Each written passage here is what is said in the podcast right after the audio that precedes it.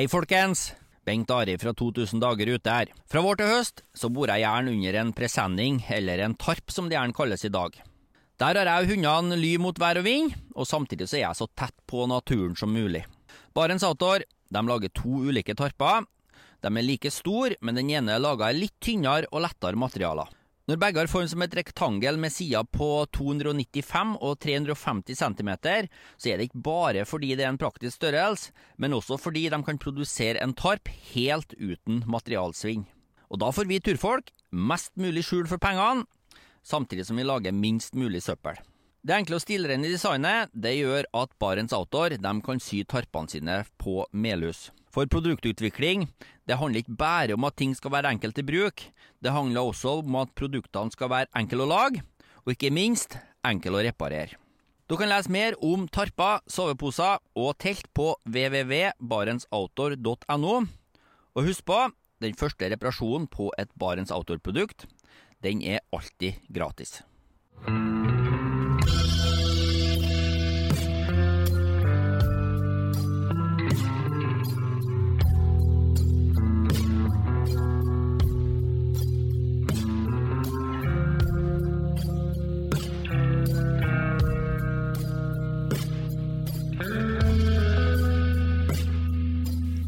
Hei, og velkommen til podkasten Uteliv.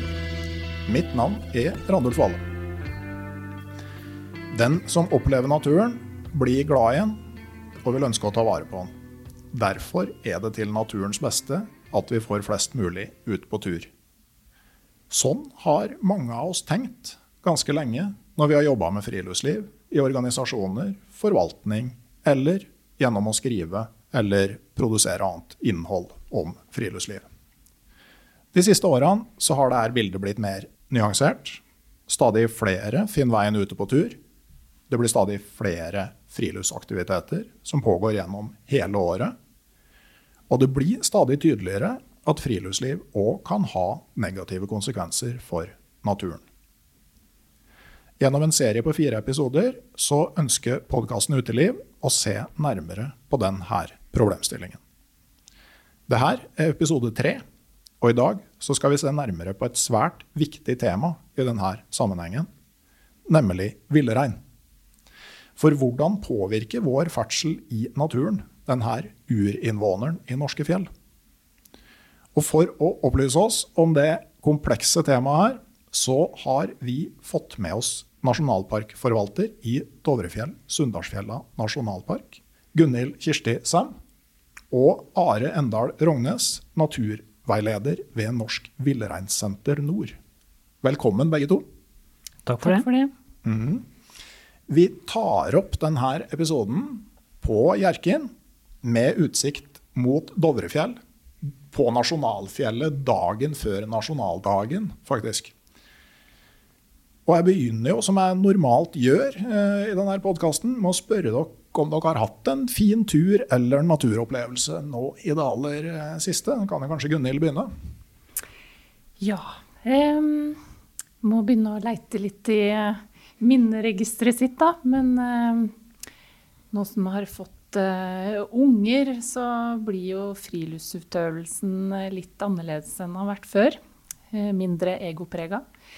Så en fin eh, opplevelse som jeg kan trekke fram, da, eh, som setter seg i hjertet, er en eh, telttur som jeg hadde i lag med unga. Ikke for så veldig lenge siden, et par helger siden. Ved breddene til Mjøsa, rett og slett. Nærfriluftslivet. Så sånn har det blitt de siste åra. Men en veldig fin tur som, som forhåpentligvis har satt et minne, godt minne i, i hjertet til unga mine òg. Mm enn du, Are? Ja, jeg er jo eh, over snittet jaktidiot, så jeg bruker jo en del tid på det. Og nå er det jo beverjakt som står i, i fokus, eller har vært. Så som og Gunhild så har jeg jo småunger, så når jeg og kona fikk oss en frikveld, så ble det beverjakt med, med kanopadling. Um, og ja, det å sige nedover i vårelv og høre på fuglelivet, se på inderen, se sola gå ned, det, det gjør godt. da. Mm. Ble det noe bever, da? Det ble det. Mm. Er egentlig grilla beverhale noe godt? Eh, jeg holder meg unna beverhalen, for det ser ikke noe fristende ut. Det er jo en, en fettklump, så eh, jeg har mer trua på kjøttet. Ja, ok. Så du, du har ikke prøvd det engang?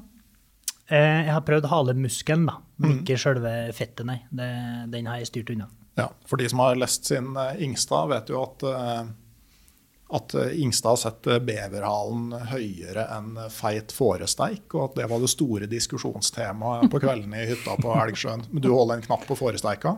Ja, jeg tror det.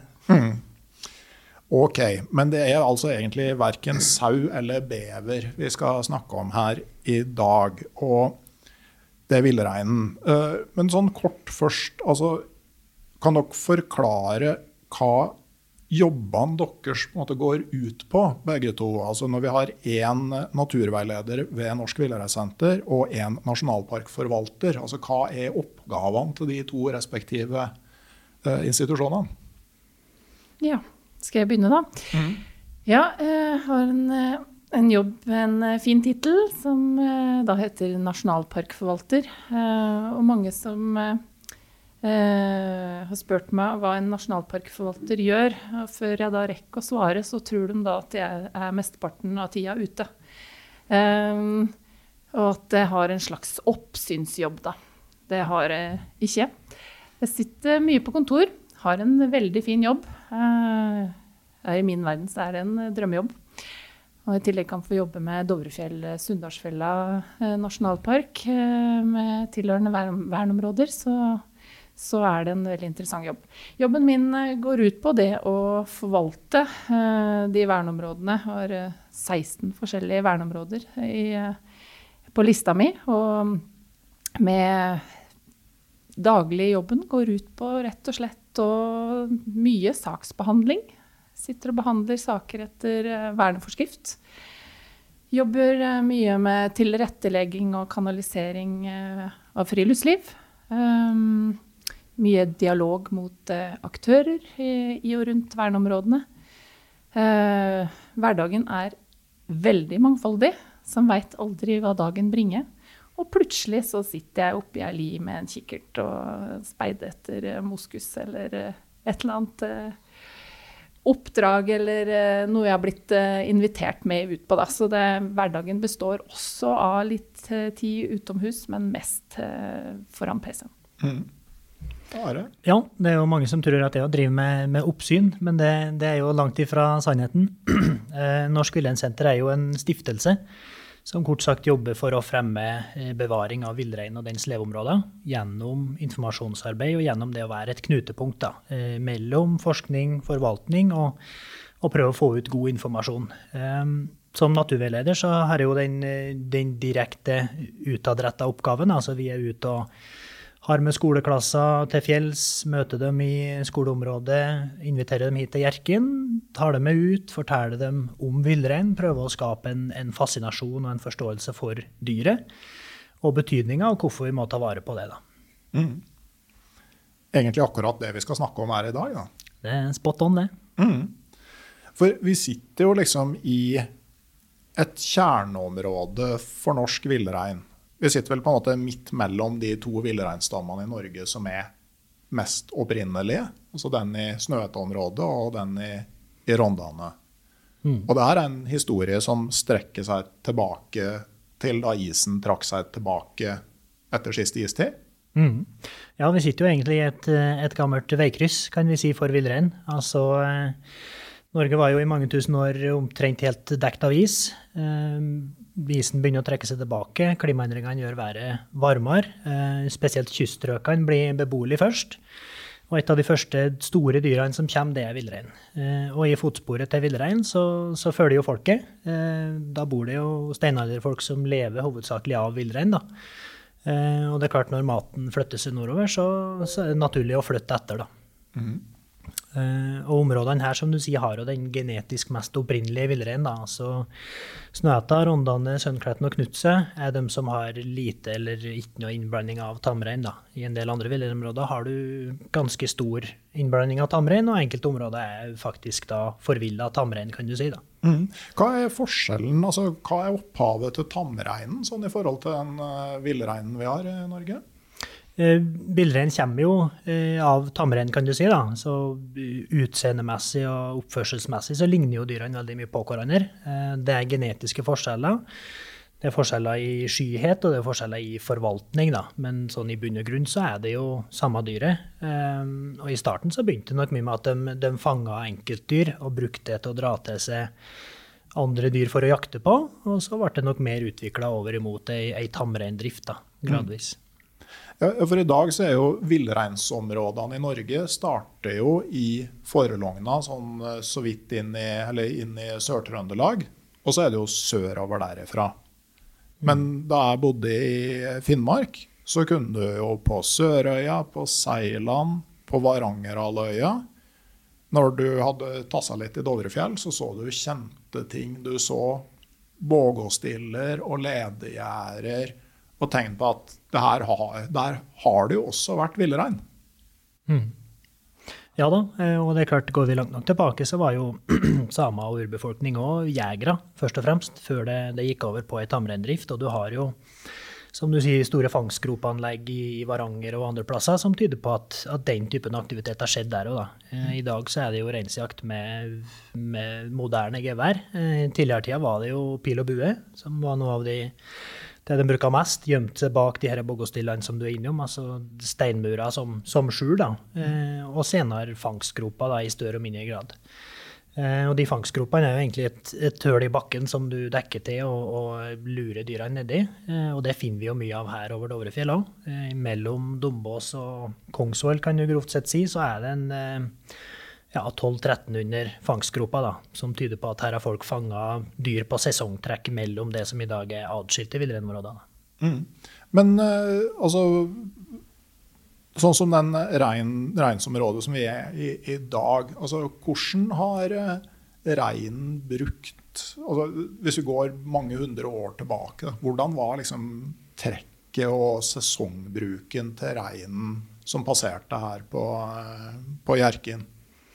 Eh, tidligere så var det jo, skal vi si, lå Norge åpent. Det var ikke eh, infrastruktur og, og menneskelig aktivitet som, som styrte reinens områdebruk, det var mer topografien og sesongene. da, og sånn Grovt sett så har de jo hatt trekk imot uh, kystnære beiter på vår sommer. altså Områder som blir tidligere grønn. Du har kanskje store høydegradienter som gjør at du kan føle den grønne veksten oppover i terrenget. Uh, men det er områder som er snørike om vinteren, så da har dyrene trukket østover i områder med mer lav, som er en stor del av vintermaten, og, eh, og områder med mindre snø, da, som er mer egnet vinterbeiteområder. Så en rein ville da kanskje vandre fra eh, ytterkantene mot eh, kysten i retning Sunndalsøra, Rauma der omkring, og innover mot ja, Hjerkinn her vi sitter i dag, Knutsø, Rondane, som er lavrike, mer snøfattige områder da, vinterstid. Mm. Og så kan du se for deg at en, en rein kan liksom ha vært nede i fjæra på Sunndalsøra på våren og rundt Lillehammer på vinteren? Ja, sånn i teorien. Ja. Mm. For at, eh, altså, jeg har jo vært en del i Canada, og der har du jo de her lange sesongtrekkene for de store reinsflokkene. Men, men det har òg vært det naturlige mønsteret for stammene i Norge? Ja, det har det. Mm.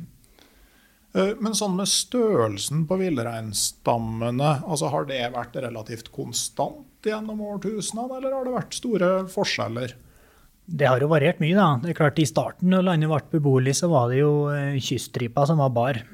og det er jo funnet spor etter rein som er i hvert fall 12 000 år gammel. Um, og det er klart at da er det jo begrensa del av Norges areal som var tilgjengelig, og sikkert da en en mindre bestand, eh, så smelter jo innlandet fram. Eh, og naturlig å tenke seg at det ble veldig mye mer rein. da, Lav tetthet av folk, og, og reinen hadde mye gode leveområder. Eh, så jakter vi jo på rein. og Opp i moderne tid så ble det jo mer, mer og mer intensivt. I enkelte områder var jo reinen utrydda, eller nesten utrydda, og tidlig i 1900-tall så ble den jo freda. Da var det jo ikke den reguleringa det er på, på, jakt i dag, og folk tok seg kanskje et, et matdyr. og synet var litt annerledes på det. da. Det var, det var matauk og ikke ei, ei, jaktforvaltning som vi driver med i dag. Eh, så etter det så tok de opp igjen, da, og så har de jo glidd inn i mer uh, en modell der vi, vi, kartlegger hva vi har, og vi høster av et overskudd og, og tilpasser villreinstammen til uh, det området tåler. da. Mm. Men så blir det jo stadig mer folk, og uh, vi setter stadig mer spor etter oss i terrenget. Eh, er det riktig å si at det første virkelig sånn store inngrepet i reinens leveområder her er Dovrebanen? Ja, det er vel ikke uriktig å si det. Eh, Dovrebanen eh, kom vel i 1921, hvis jeg ikke husker helt feil.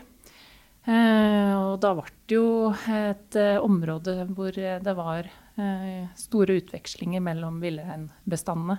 Eh, perforert av infrastruktur, som er en ja, en irreversibel, irreversibel, irreversibel tiltak, da.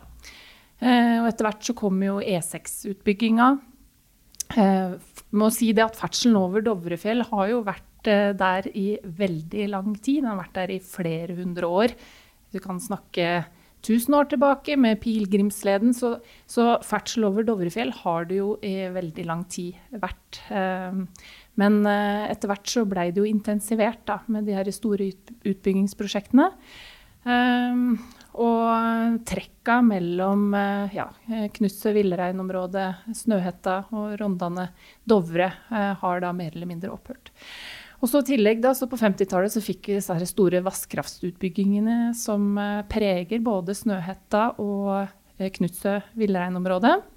Eh, som også har da eh, bidratt til fragmentering av leveområdene for eh, villrein. Og i praksis gjort at eh, villreinbestanden i, i Snøhetta da har blitt eh, delt i to, med Snøhetta vest og Snøhetta øst. Og har da liten uh, Sånn jeg forstår det, nå er det Are som er villreineksperten her i dag. Det er bare en skarve forvalter.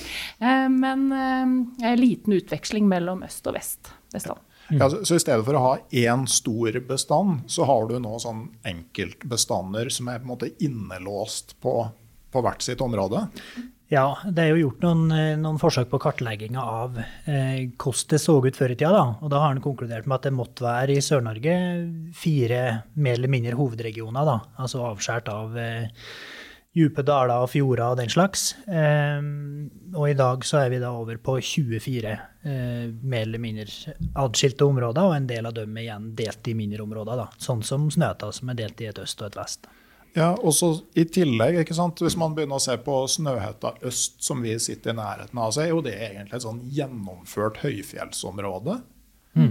Og det betyr jo da at det der sesongtrekket eh, Det er den muligheten til å gå ned i terrenget for å få rikt beite ja, på den tida av året hvor vi er nå, da. Mm. Den er ikke til stede innafor det området som eh, reinen bruker i mindre grad, men faktisk så er jo Snøhetta et av de villreinområdene i dag som fortsatt har et visst sesongmessig trekk. Da. Så du har store mm. klimavariasjoner mellom eh, vest, vestlige og østlige deler. Eh, og det er en, en, viss grad av sesongtrekk som du ikke finner i en del andre villreinområder. Mm. Hardangervidda har jo en, en, mulighet til å trekke mellom kystbeita og, og mer snøfattige, lavrike innlandsbeiter. Og, eh, så, så, sånn sett så har Snøhetta delvis det, da, fortsatt i dag. Mm men mye mer innsnevra enn det det hadde.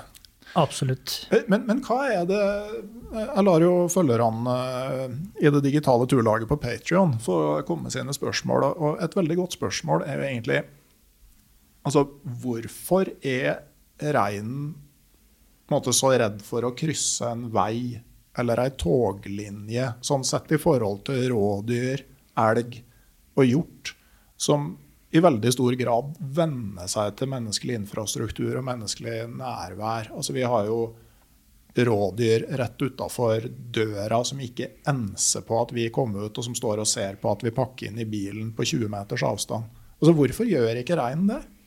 Nei, det, er jo, det er veldig gode spørsmål, det. Og ja, eh, forklaringa er nok kanskje delvis flokkatferden. Altså, du har eh, du har til tider store mengder dyr som er i samme flokken, og sannsynligvis da så er det de, de mest sky som reagerer først, og som setter i gang en, en fluktrespons i hele flokken. Da. Um, de lever jo i et åpent landskap, altså de, de ser langt, lukt bærer langt.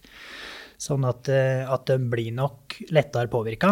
Eh, og så er det jo ikke sånn at reinen ikke klarer eller tør å gå over en vei. Det kommer litt an på hvordan den er utforma i terrenget, og det kommer spesielt an på bruken. da. Altså I, i mange områder så krysser en jo grusveier f.eks., som er middels eller lite brukt, men får du ferdsel over et visst nivå, sånn som du har på, på Dovrebanen og, og E6-en over fjellet her, så, så, vil det føre til at dyrene stopper. da. Eh, og du kan jo tenke deg, altså hvis du støkker en elg, så støkker du kanskje én elg, eller to eller tre eller fire. Eh, støkker du en rein, så det kan jo være simle og kalv som går sammen. Det kan òg være flokker på oppi 1000 dyr, da. Mm. og kanskje mer. Så det er klart at du den påvirkninga blir jo større, da. Og der endrer du jo kanskje òg atferden til en hel flokk, basert på de mer skydyrene. Ja. Og så kunne du altså, for, for uh, griper jo litt inn i det vi kommer til etter hvert, da, men altså noe av problemet med forstyrrelsene er at de ikke får spist. Men du mm. skulle jo tro at altså, de der litt sånn mer stoiske individene ville hatt en sånn evolusjonær eh, fordel. Da. Altså Hvis du ikke skvatt opp for absolutt alt, men bare fortsatte å spise lav og ikke sprang tre kilometer. Så, men det er noen andre sånn overlevelsesfaktorer som overstyrer det, da, på noe vis?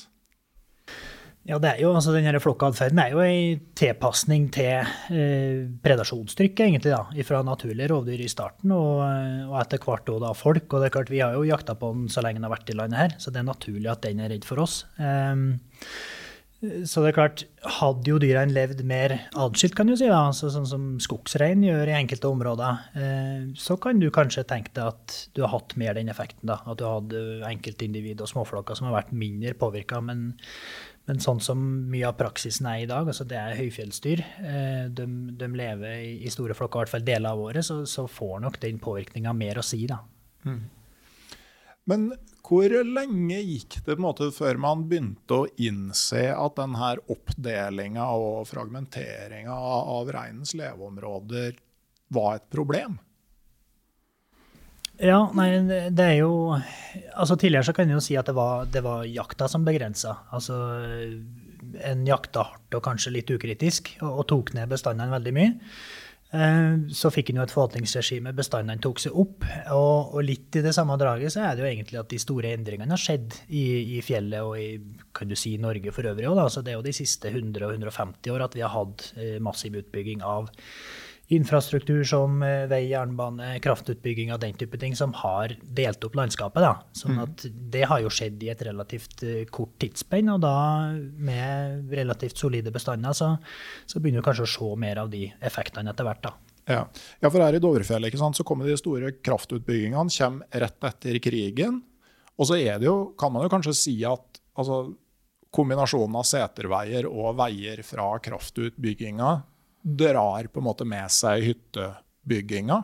Er det en grei måte å si det på?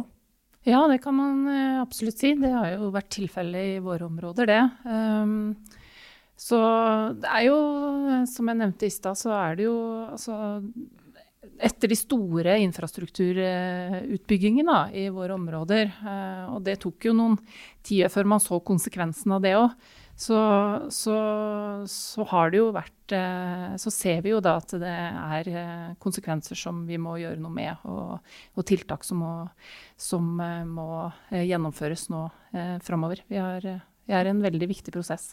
Mm.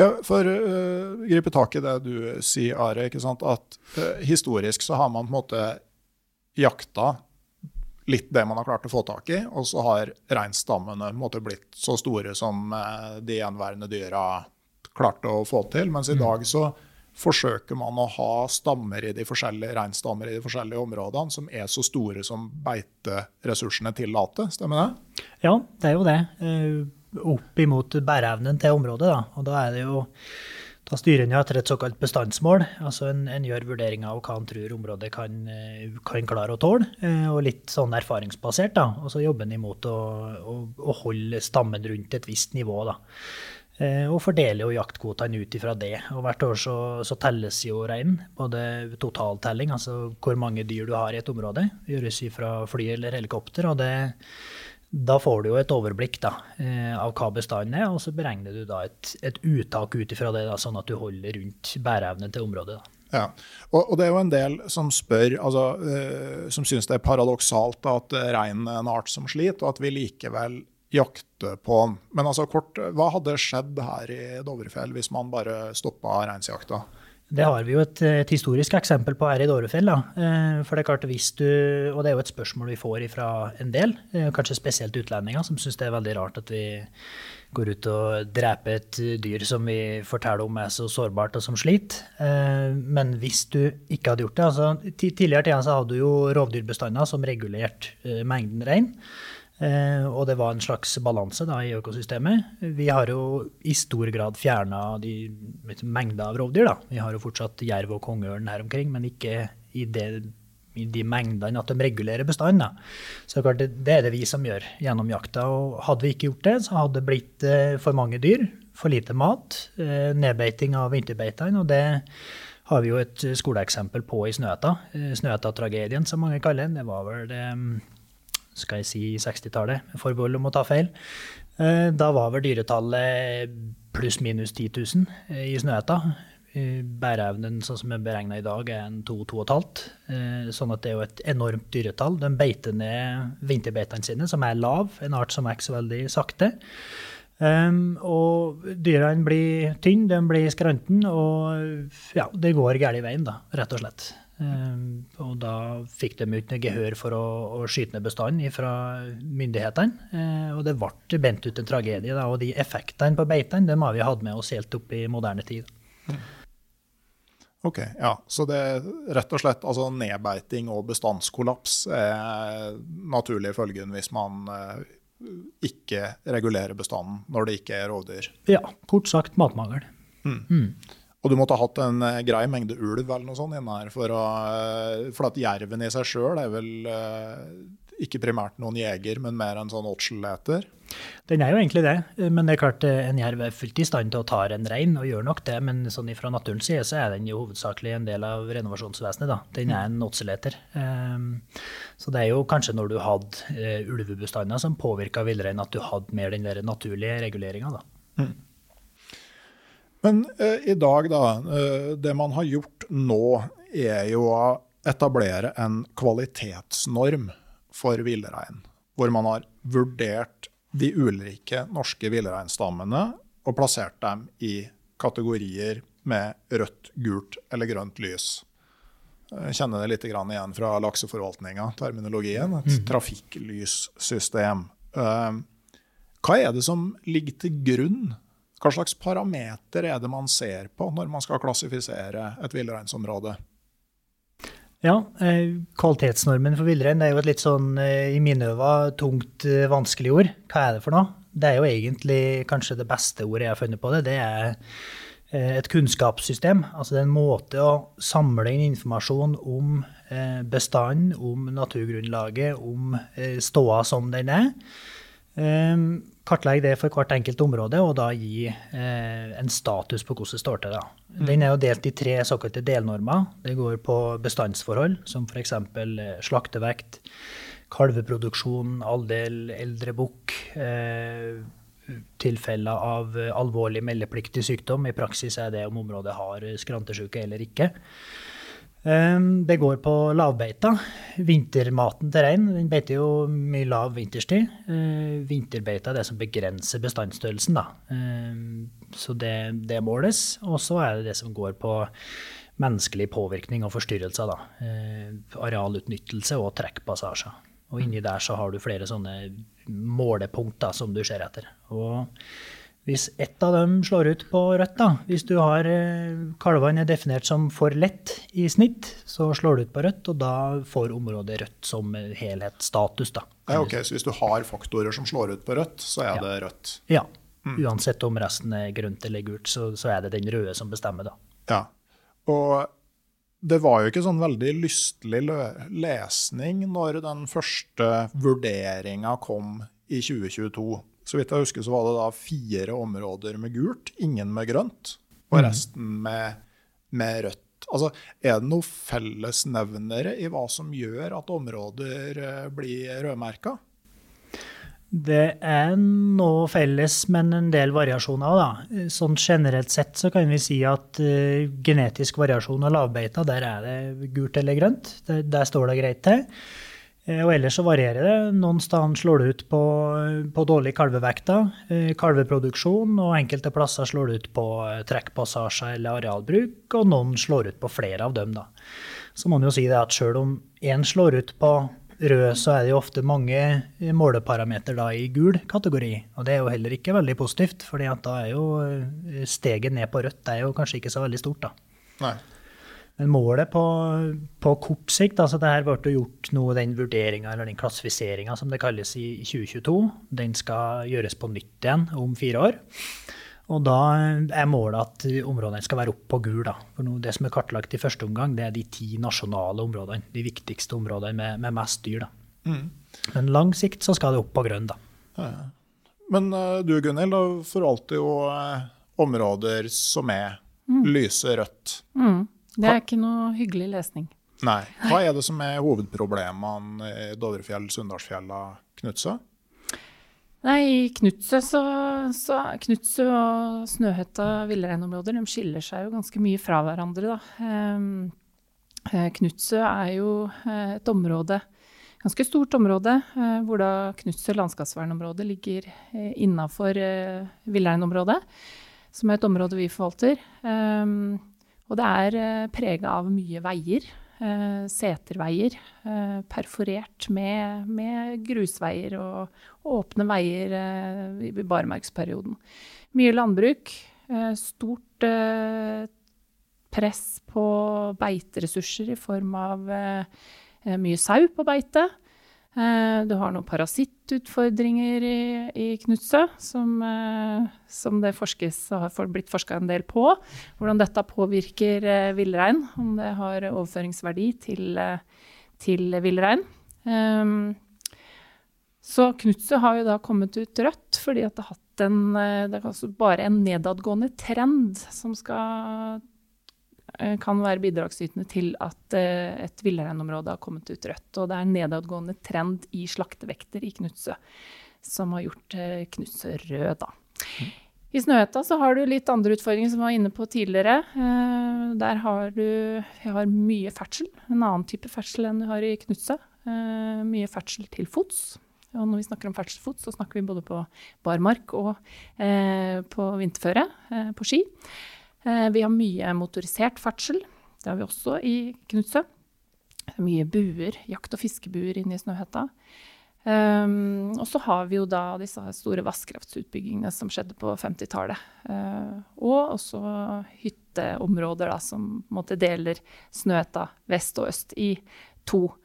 Uh, så her uh, i Snøhetta så har vi da en nedadgående trend på når det gjelder antall kavle, kalver mm. per 100 stimle ungdyr. Eh, og eh, dårlig kvalitet når det gjelder kjønns- og alderskorrigerte slaktevekter hos kalv. Da. Det er også en nedadgående trend. Altså, så kalvene er små?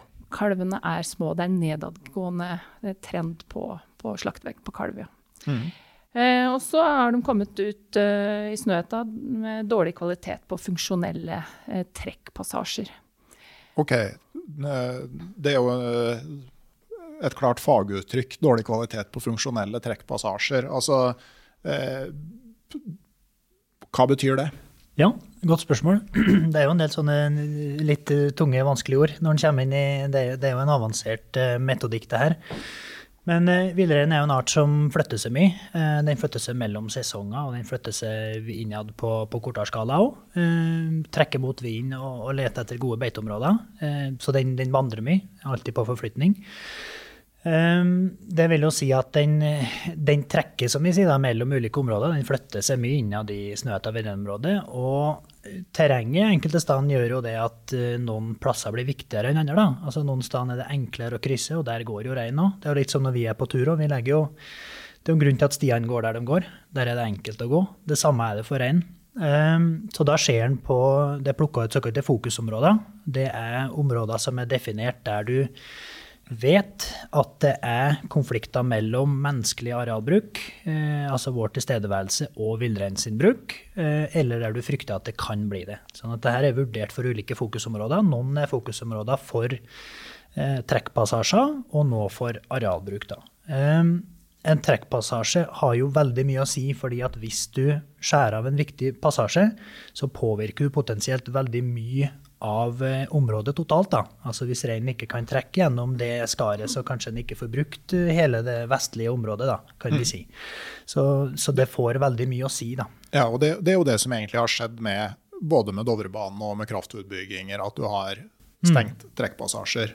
Ja. Vi har også flere eksempler på det. da. Vi, mm. Nå har vi jo nevnt vannkraftutbygging og Aursjømagasinet, men vi har jo Hjerkinnplatået og eh, Stroppelsjødalen. Eh, eh, området innenfor Kongsvoll.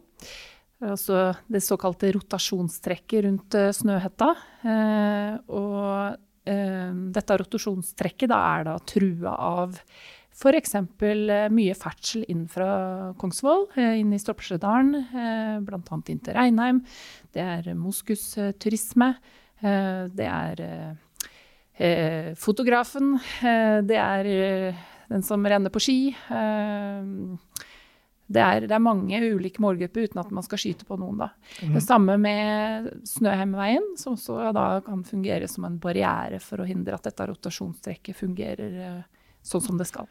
Ja, for Er det sånn at reinen i Snøhetta-området sirkulerer rundt Snøhetta sånn på årsbasis? Ja, eh, det har jo blitt kalt det store hjulet. da. Altså sånn Relativt sentralt plassert så har vi Snøhetta-massivet eh, som et, et stort høyfjellsområde. Og reinen har da brukt områdene rundt der litt til ulike tider på året, og så kan jeg nå gjøre det trekket flere ganger i løpet av en sesong, da, mellom sommerbeiter, mellom vinterbeiter og kalvingsområder. Um, og litt av problemet, sånn som på Hjerkenplatået og Møstroppersjødalen, som Gunhild prata om, så er det jo det at du har en, en ferdsel fra utgangspunkt langs E6-en og inn imot Snøhetta-massivet. Så folk vil, vil, inn i området eller opp på selve Snøhetta. Og da skjærer du på et vis av den trekkveien, og du skjærer av det, muligheten til, for reinen til å gjøre det hjulet, da, det runde trekket. Ja, for du beveger deg på en måte fra utkanten av klokka og inn til sentrum av sirkelen. Altså lage, lage en barriere som gjør at, at, man ikke kan gå rundt sirkelen. Da. Absolutt. Og det, det, er jo kanskje litt vanskelig å se for seg. Det er klart at eh, Mange kan kanskje forstå det at en, en stor og bråkete jernbane, det skyr reinen. Eh, men den er jo den er sky generelt, og den skyr jo folk. Det den forbinder med oss, lukt, bevegelse. Eh, og det er jo gjort en del undersøkelser på det, der du har sett at eh, opptil 30 passeringer på en sti da, i løpet av en dag, da går det greit. Går du utover det, så blir det stadig vanskeligere for reinen å krysse, da, og den vegrer seg i større grad for å krysse. Bekker du 220 altså turgåere på en sti i løpet av en dag, så er det en fullstendig barriere. Det er nok til at reinen ikke krysser. Da. Så mm. faktisk med å gå på tur uten noen hensikter, så kan du ødelegge for reinen. Og det er vel noe man har sett eh, hvis du går litt østover her, fra nordøstover til Forelogna, hvor det at det er populært å gå på fjellet Forelogna, både nordfra og sørfra, egentlig har gjort at på en måte den nordøstre delen av det villreinsområdet i veldig liten grad blir brukt av reinen. Ja, det er jo egentlig et veldig godt eksempel da, på en total barriereeffekt. For at uh, Forlognatoppen, den har jo det turmålet har jo eh, vært populært lenge, men det blir jo bare eh, mer og mer populært. Og så får du da total, til slutt da en sånn total barriereeffekt. Eh, men jeg tenkte jeg skulle bare dra fram eksempler fra, fra Hjerkenplatået igjen.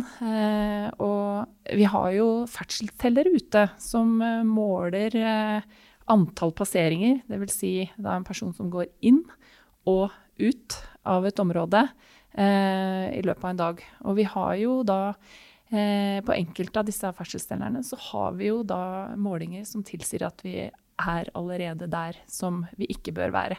Vi er på tall mellom 30 eh, og 220 eh, flere dager i året. Eh, I barmarkssesongen, da, først og fremst. Og Stroppelsjødalen da er som et, et eksempel på det. Mm. Ja, Nei, for nå er vi jo inne i det med at også vi turfolk er et problem for villreinen. Jeg tenker at jeg vil ikke bruke ordet utfordring, for det er ikke en utfordring. Det, det her er et problem. Uh, og så tenker jeg at uh, Jeg føler meg litt bedre, da. Bare, sånn, det, det endrer ikke noe på problemstillinga. Men jeg tenker det er viktig å tenke på hva som har skjedd i hvilken rekkefølge. At sånn I utgangspunktet, når du hadde de store sammenhengende villreinområdene, så ville det her være et mindre problem. Men så har du fragmentert villmarksområdene og gjort tilgjengeligheten til dem enklere. Samtidig som du har lagd nye barrierer og sperra reinen inn på stadig mindre områder. Og da blir den menneskelige tilstedeværelsen et mye større problem enn det den var historisk.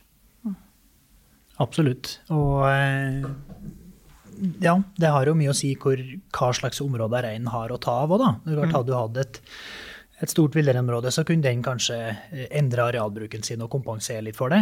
Men sånn som det er i dag, altså reinen er satt på bås, områdene blir bare mindre og mindre, og da får effektene av f.eks. Eh, turgåing, friluftsliv, alle det vi har i Snøhetta, Forlogna og Rondane, det får store effekter og store negative effekter. da. Mm. Nei, og hvis du liksom ved første øyekast så virker jo, virker jo Dovrefjell, Sunndalsfjella nasjonalpark som et veldig stort område, Gunhild. Men, mm. men, når man ser litt nærmere på kartet, mm. så er det veldig mye sånn innskjæringer med seterveier og kraftverksveier. Og, og det der på en måte sentrale, uberørte området, det er jo ikke noe særlig stort. Nei, det er ikke det. Og hvis man ser det fra fugleperspektiv, så, så, så er eh, området eh, berørt av veldig mye eh, inngrep. da, I form av veier eller hyttebygging eller bare inne i Dovrefjell nasjonalpark, så Dovrefjell-Sunndalsfjella nasjonalpark, så har vi jo 700-800 jakt- og fiskebuer. det er et ganske stort antall. ja. Og tenker at alle disse her, eh, ikke alle, men veldig mange, ønsker å kjøre dit eh, med scooter på vinterstid for å få frakta inn eh, utstyr.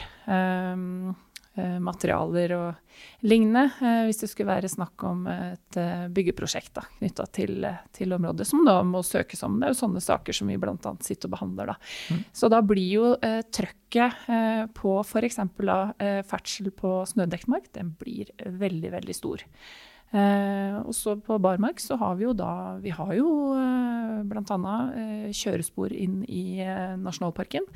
Som er eh, godkjent kjørespor, godkjent i forvaltningsplan og ligger inne i verneforskrift eh, og slike ting. Eh, og langs slike akser da, så kan det jo ligge også en del buer. så det er, det er vi skal heller ikke bruke ordet utfordrende, da, men det, er, det er, kan være til tider litt krevende å drive forvaltning i et sånt område med veldig mye ferdsel. Og så er jo heller ikke Dovrefjell-Sunndalsfjella nasjonalpark et område hvor det er tilrettelagt i veldig stor grad, som f.eks. Jotunheimen, som er en mer reindyrka brukspark. da. Um, og Rondane Dovre også. Mye større grad uh, av merka stier og uh, flere turisthytter. Mye mer bruk, mer ferdsel. Uh, men også villrein og villreinutfordringer. Um, så, så Dovrefjell-Sunndalsfjellet er ikke noe utprega brukspark. men det er ikke det dermed sagt at vi ikke skal ønske folk velkommen til områdene våre, men, men det er prøve å balansere disse hensynene her, da, som er en, mm. er en liten nøtt. Ja, ja for eh, altså, er det noen uh, av liksom, turfolkets atferd altså, Er det noen typer ferdsel som er spesielt problematisk? Ja, eh, jeg har ikke lyst til å sitte her og eh, dømme enkeltmålgrupper nord og ned. Eh, men det er jo klart at bare i løpet av noen få tiår så har jo friluftsformen eh, forandra seg i veldig mye større grad enn det var eh, bare for, for noen år siden. Eh, så, så, vi ser jo at den derre turisten som på en måte er ute på flere dagers turer, den blir det færre av. Ja, interessant nok. Mm. Eh, nå har vi en, eh, hatt en brukerundersøkelse i Dovrefjell-Sunndalsfjella i 2022, så nå får vi resultatene av den eh, nå like før sommeren, som kanskje kan si noe om eh, hvem er det som bruker våre områder, få det mer svart på hvitt. Men, men, det er en liten trend i markedet. Vi får eh, i mye større grad den der dagsturturisten da, som vil fort inn i området, øh, oppleve highlights, øh, type moskus, da, øh, og, så, og, så, ut igjen. Um, Og da har vi jo nevnt én type målgruppe, det er jo moskusturisten. Vi har jo både den organiserte biten, som reiser hit og kjøper et, en pakke av et guidefirma, og får en opplevelse gjennom den. Da må man jo søke Nasjonalparkforvaltninga om å få drive guidevirksomhet. da eh, knytta til moskusturisme. Eller så har vi den uorganiserte biten da, som, som eh, bare drar på tur eh, på egen hånd. Og den har vi veldig, veldig liten kontroll over, og veldig mm. liten oversikt over. Um, og vanskelig å, å styre, da. Ja. Men, men uh, altså den dagsturturisten, altså, uh, hvor er det de går, og hva er problematisk med det? I veldig stor grad så er det eh, de store innfallsportene til eh, våre store verneområder eh, som, som hva skal jeg si, kalle en hub for, som utgangspunkt til opplevelser i verneområdene. Og da kan vi jo nevne da Hjerkinn, f.eks., med Snøheimbussen inn til Snøheim. Og fra Kongsvoll. Grønbakken Kongsvoll. Ja, og De som kjenner geografien i Dovrefjell litt, ville da tenke at men eh, sa ikke du nettopp at eh, ferdsel i Stroppesjødalen var det man så på som problematisk? Og det er jo akkurat her de da havner? Ja, fordi Stroppesjødalen ligger veldig lett tilgjengelig fra mm. Kongsvoll. Det er bare snakk om en halvtime, så er du oppå på Snaufjellet. Og så er du inne i villreinland. Og der har du eh, villreintrekk eh, ganske langt ut mot dalføret, da, eh, mot Drivdalen. Uh, og veldig mye ferdsel i de områdene der. Der har vi en del tellere, og vi har ganske god kontroll på, på, på hvor mye ferdsel det er. Men vi vet ikke som, hvilken type det er, om det er den uorganiserte eller den organiserte. Det har vi ikke helt uh, klart for oss ennå. Men der um, har vi da bl.a. et tiltak som vi gjennomførte i 2017. Uh, noe som heter Moskustin, som sikkert mange kjenner til. Eh, som eh, da bidrar til å demme opp for mye av den trafikken som eh, går i retning Stroppsjødalen. Moskustien ligger helt i utkant, utkanten av Stroppsjødalen. og demmer opp for trafikk videre innover. og ikke minst de førstegangsbesøkende, da. Mm. dags, type dagstur turturisten som, eh, som, ikke helt vet hvor de skal gå. Og så er det veldig trygt da å ferdes på Moskusin, for den er tilrettelagt og skilta. Og, og det må jo være et e, eksempel på et sånn bra tiltak som egentlig ikke går noe særlig på tvang, men mer en sånn kanalisering av dem som egentlig bare vil ha et greit sted for å se litt av uh, området, og kanskje aktivt søke etter informasjon sjøl òg? Ja, eh, vi håper og tror det. At det er et vellykka tilretteleggingstiltak. Ehm, eh, nå skal vi jo da i sommer skal vi da styrke Moskusstien eh, ytterligere med såkalt positivt virkemiddel. Det er det vi snakker om da. Mm. Moskustien er et sånt positivt virkemiddel. jobber for å veilede og informere brukerne av områdene våre um, om hvordan vi ønsker at uh, folk skal oppføre seg. For jeg tror jo uh, i utgangspunktet at, at, folk ønsker å ta de gode valga. Og så handler det om å hjelpe dem litt på vei da, og ta de gode valga. Men i sommer skal vi da ha, i samarbeid med Villreinsenteret, skal vi da ha utegående naturveiledere hele sommeren, hele barmarksperioden, fram til midten av september. Eh, som skal gå på moskusstien og veilede og informere om, og ikke minst da peke ut hvor er moskusen. Mm. Eh, og formidle kunnskap om at eh, villrein, den er eh, sky. Eh, og eh, vi ønsker ikke at folk skal forstyrre villrein, da. Nei. Nei, og jeg tenker jo at uh, altså For min del så blei jo den boka som Marius Nergård Pettersen har lagd nettopp om Norges beste villmarksturer, så hadde vi et uh, kapittel om Dovrefjell, Sunndalsfjella, som uh, for min del var en sånn øyeåpner. Da var jeg i kontakt med en av ja, kollegaene deres, sånn mer eller mindre, sjøl om dere sitter på forskjellige institusjoner. Eh, som eh, leste gjennom det som skulle bli kapittelet, og som bare ble hivet i, i, søppelbøtta før jeg begynte på nytt. Fordi at jeg da var i ferd med å sende folk inn Stroppesjødalen både midt på vinteren og på seinsommeren. Og begge deler er kanskje noe av det mest uheldige du kan gjøre. Men jeg syns kanskje at det kunne man godt ha kommunisert tydeligere. For det var ikke noe som Altså, jeg begynner jo med å søke informasjon før jeg skal skrive noe sånt som det der. Og det var ikke noe som lyste mot meg at det her er en dårlig idé.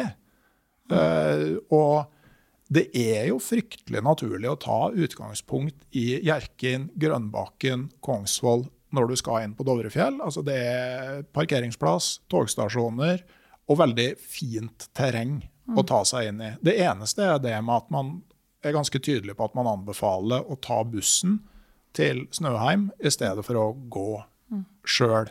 Så jeg tenker at her er det noe å gå på, på rett og slett være tydeligere, for jeg tror folk er villige til å høre. Ja, det er veldig bra du sier, for uh, dette er kjernen av hva vi jobber med. Uh, og det er uh, til tider en liten nøtt å balansere og finne riktig vei for å nå ut med informasjon. For den informasjonsjungelen der ute, det er veldig fort, eh, fort å drukne i den. Eh, og vi kan begynne å snakke om sosiale medier og influensere og alt mulig sånn. Eh, men, men bare å nå ut med riktig informasjon, det er veldig viktig jobb som vi bedriver. Og vi er jo heldig stilt, da, fordi vi har jo en kommunikasjonsrådgiver som vi har fått midler til gjennom statsbudsjettet for 2023. Eh, og det er ikke veldig mange andre verneområdestyrer i Norge som har en sånn, sånn kompetanse knytta til seg. Og det har vi da i fellesskap med Rondane Dovre nasjonalparkstyre. Og vedkommende er meget god til å jobbe på sosiale medier. Eh, og jobber med den type problematikk som du eh, viste til her eh, i stad. Eh, og så er det dette her med eh, disse positive virkemidlene. Da. Funker de, ikke sant? Eh, mm. fordi det, det, er det som er verktøykassa vår i dag. Vi driver jo på en måte med ferdselsregulering gjennom at den organiserte ferdselen og de som ønsker å drive med det, de må søke oss om tillatelse for å drive med organisert ferdsel. Og så har vi på en måte en litt liten verktøykasse da, for å styre eh, ferdselen utover det. Eh, og da må vi ty til positive virkemidler. Og det er, med, det er f.eks. moskustin, som er et uh, meget godt eksempel på det, og som vi styrker nå i sommer. Eh, og så har vi jo da det skyttelbussregimet mellom Hjerkinn og Snøheim, som er et, eh, et tiltak for å, eh, for å fjerne eh, uønska eh, trafikk på, på og, og stopp eh, på Snøheimveien, som var tilfellet tidligere. Nå kanaliseres all, stort sett alt. Det er ikke mange som får tillatelse til å kjøre utenom. Det må være Eh, hvis det er snakk om noe uttak i forbindelse med, med, med moskusforvaltning eller noen sånn type ting, så er det veldig strengt regime. All ferdsel skal foregå med, med skyttelbussen. Og så må jeg si det òg, at den ferdselen, ferdselen som er fra fra Snøheim til Snøhetta, den er i utgangspunktet ikke noe utfordrende knytta til eh, rotasjonstrekket for villrein. Eh, det, det er, ja, da, er du liksom inne i senter av, eh, av, rotasjonen, ikke sant? Ja, for da mm. roterer de rundt. ja. rundt Snøhetta. Så den der ferdselen fra Snøheim og opp, eh, det er jo den eh, Og vi snakker om dagsturister. Mm. Det er en god del som tar bussen til Snøheim, går opp på Snøhetta, tar bussen ut igjen, reiser hjem. Mm. Og det, det, er jo et tiltak som kom etter at Snøheim ble gjenåpna. Det var jo et tidligere skytefelt her. Eh, forsvaret overtok eh, hytta og hadde den i, i sitt eie fram til Turistforeninga fikk henne tilbake igjen. Da. Og da ble denne skyttelbussordninga utarbeida altså med premiss om at uh, Snøheim skal ligge der. Hva, hva, er det beste alternativet vi kan få til? Så så lenge den skal ligge der, så er skyttelbussregimet noe av det bedre du kan få til. For da frakter du folk ganske fort forbi det her kritiske åpne områdene, inn til foten av Snøhetta, og de går opp og ned til Snøhetta. Men det er klart, uh, det har jo òg si påvirkning, men du har flytta den verste trøkken lenger inn, da. Mm. I tidligere tider så var det jo eh, privatbiltrafikk. Folk eh, mm. kjørte inn som de ville og parkerte hvor de ville, og det var helt tydelig at det påvirka trekket. Eh, og fortsatt i dag òg er jo både busskjøring, folk som går, folk som sykler, ut og kikker på moskus og oppholder seg langs veien, som jo er en enkel ferdselsåre, det, det, er jo med på å vanskeliggjøre det for videre. inn. Det er klart Hadde du tatt bort alt, så var det enklere å, å forflytte seg over der. da. Og så er det jo veldig rett som du er inne på, at, eh, at områdene her innbyr jo til å, å, gå eh, lenger inn i fjellet herfra. Da. Det er flatt, det er fint, du har, eh, du har merka stier, du har Snøveien, du har et nettverk av turisthytter eh, som gjør at du kan både gå litt på kryss og tvers eh, og ta det fram i området. Eh, men jeg tror heller ikke at folk gjør det ikke av vond vilje. Så det er jo en utfordring for oss som jobber med informasjon, å nå fram med det viktige der folk er. da. Få dem til å forstå, gi mer kunnskap, sånn at de kan ta gode valg. da. Ja. ja. hvis vi prøver liksom, for Folk etterspør jo litt sånn på en måte villreinsvett. Eh, og hvis vi på en måte skal begynne med altså, På et vis er jo det enkleste om man holder seg borte. Eh, men det er jo verken offisiell politikk eh, eller uten konsekvenser for områdene på lang sikt. Altså, jeg tenker jo, Hvis du ser litt større på det, så er det skummelt å tro at varig vern er varig. Eh, og verneområder som blir stående tomme, som ingen har noe forhold til, og som ingen er villig til å stå opp for, dem tror jeg lever farlig. Nasjonalparken i min hjemkommune Gausdal, Langsua nasjonalpark, der eh, var det nå i vinterferien en borerigg i landskapsvernområdet rett utenfor parken som driver og borer etter nikkel. Og det er jo ganske innlysende at, uh, at, det er mulig å gjøre om et landskapsvernområde til ei gruve hvis argumentene for det er gode nok. Så vi har på en måte noe vi ønsker å balansere her. Da. Altså, vi ønsker jo fortsatt at folk skal ha et positivt forhold til nasjonalfjellet, eller mm hva det stedet inn. ja, men du, du, er jo veldig innpå nå. og eh, det er jo som med naturmangfoldloven legger vekt på. Altså eh, bærekraftig bruk og vern. Så det er jo ikke det at det skal, skal settes på ei osteklokke og, og der turer det og går seg sjøl. Altså, folk må jo ha kjennskap til området og til naturen og en omsorg for den da, for mm. å, å, ha lyst til å ta vare på den. Men hvis vi begynner på planleggingsnivå, da. Altså, hvis, du på, hvis du tenker deg på tur i et villreinsområde, altså, hvor begynner du allerede når du planlegger turen? For at, sant, Her i Dovrefjell så skjønner vi jo nå at idet du har valgt å starte turen på feil sted, så er det veldig vanskelig å ta valg som gjør at det her blir liksom bra fra et villreinsperspektiv. Altså, hvor begynner man med planlegginga? Nei, eh, vi hadde jo en, en litt interessant kampanje på sosiale medier i, i forrige uke. Vi snakka om sosiale medier i stad, og det er en utrolig viktig kanal. å og eh, prøve å nå ut til folk, og ikke minst den yngre befolkningen, da, som er eh, de som skal komme etter oss og, og ta de gode valga som kanskje ikke vi har vært så flinke til å ta. um, Så det å være på de kanalene, da, eh, og eh, når man da søker informasjon eh, om å reise til et område, f.eks. Dovrefjell, så er det å søke opp, søke opp Dovrefjell Sunndalsfjella på Facebook. Instagram, Twitter, TikTok. Hvor er det vi ikke er? Så er det å søke opp informasjon der. Eh, for I forrige uke hadde vi en kampanje hvor eh, vi bl.a. belyste dette her med kalvings- og oppvekstområder i, i eh, Dovrefjell-Sunndalsfjella. Og oppfordra folk til å tenke litt før man faktisk legger ut på tur i våre områder i mai måned. Som er kanskje en av de mest sårbare månedene for villrein gjennom året. Mm. Hvor finner man den infoen i februar? når du begynner å planlegge mai-turen? Ja, Det er jo et godt spørsmål, da, for den mm. kampanjen den eh, kom eh, for to uker siden. Mm. Så vi er jo i startfasen der òg, og vi skjønner jo at vi må på en måte være mer og mer synlige da, eh, for å nå ut med, med, informasjon. Og så er det jo våre hjemmesider, da. Vi har jo hjemmesider, besøksretta nettsider. Og der kommer det jo fram mye god informasjon om hvilke innfallsporter man bør velge. Og så tenker jeg at hvis man planlegger en tur, så er det jo å kontakte f.eks. nasjonalparkforvaltninga og spørre om eh, Det får vi jo mye spørsmål om. Eh, føreforhold og eh, hvilke områder bør vi dra til hvilke tider av eh, året. Og være litt bevisst eh, i forhold til det, da. Mm. Skal ikke være redd for å ta kontakt da, sånn når man begynner å planlegge tur.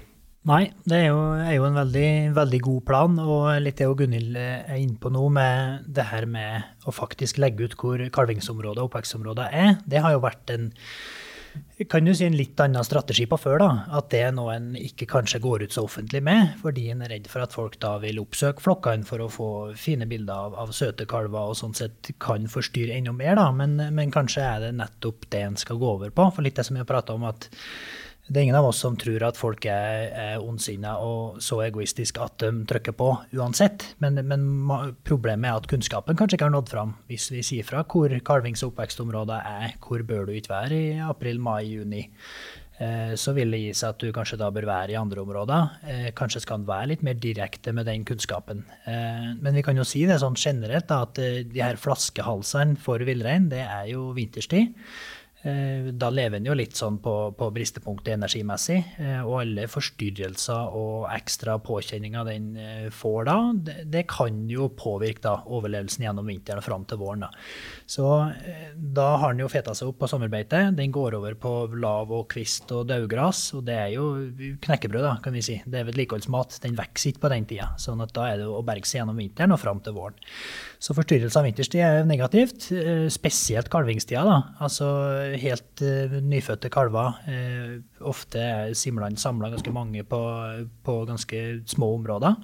Og kalver synkront, så en forstyrrelse der det gjør veldig mye negativt. da. Uh, og Sånn sett er det mye mer robust sommerstid, men det er klart der går det òg på totalmengden. da. Ja, den tåler x antall turgåere, men den tåler kanskje ikke flere tusen besøkende fra, fra Grønbakken og innover. da. Så det der er jo en litt sånn vanskelig nøtt, da. Men, men søk kunnskap, ta opp telefonen, ring.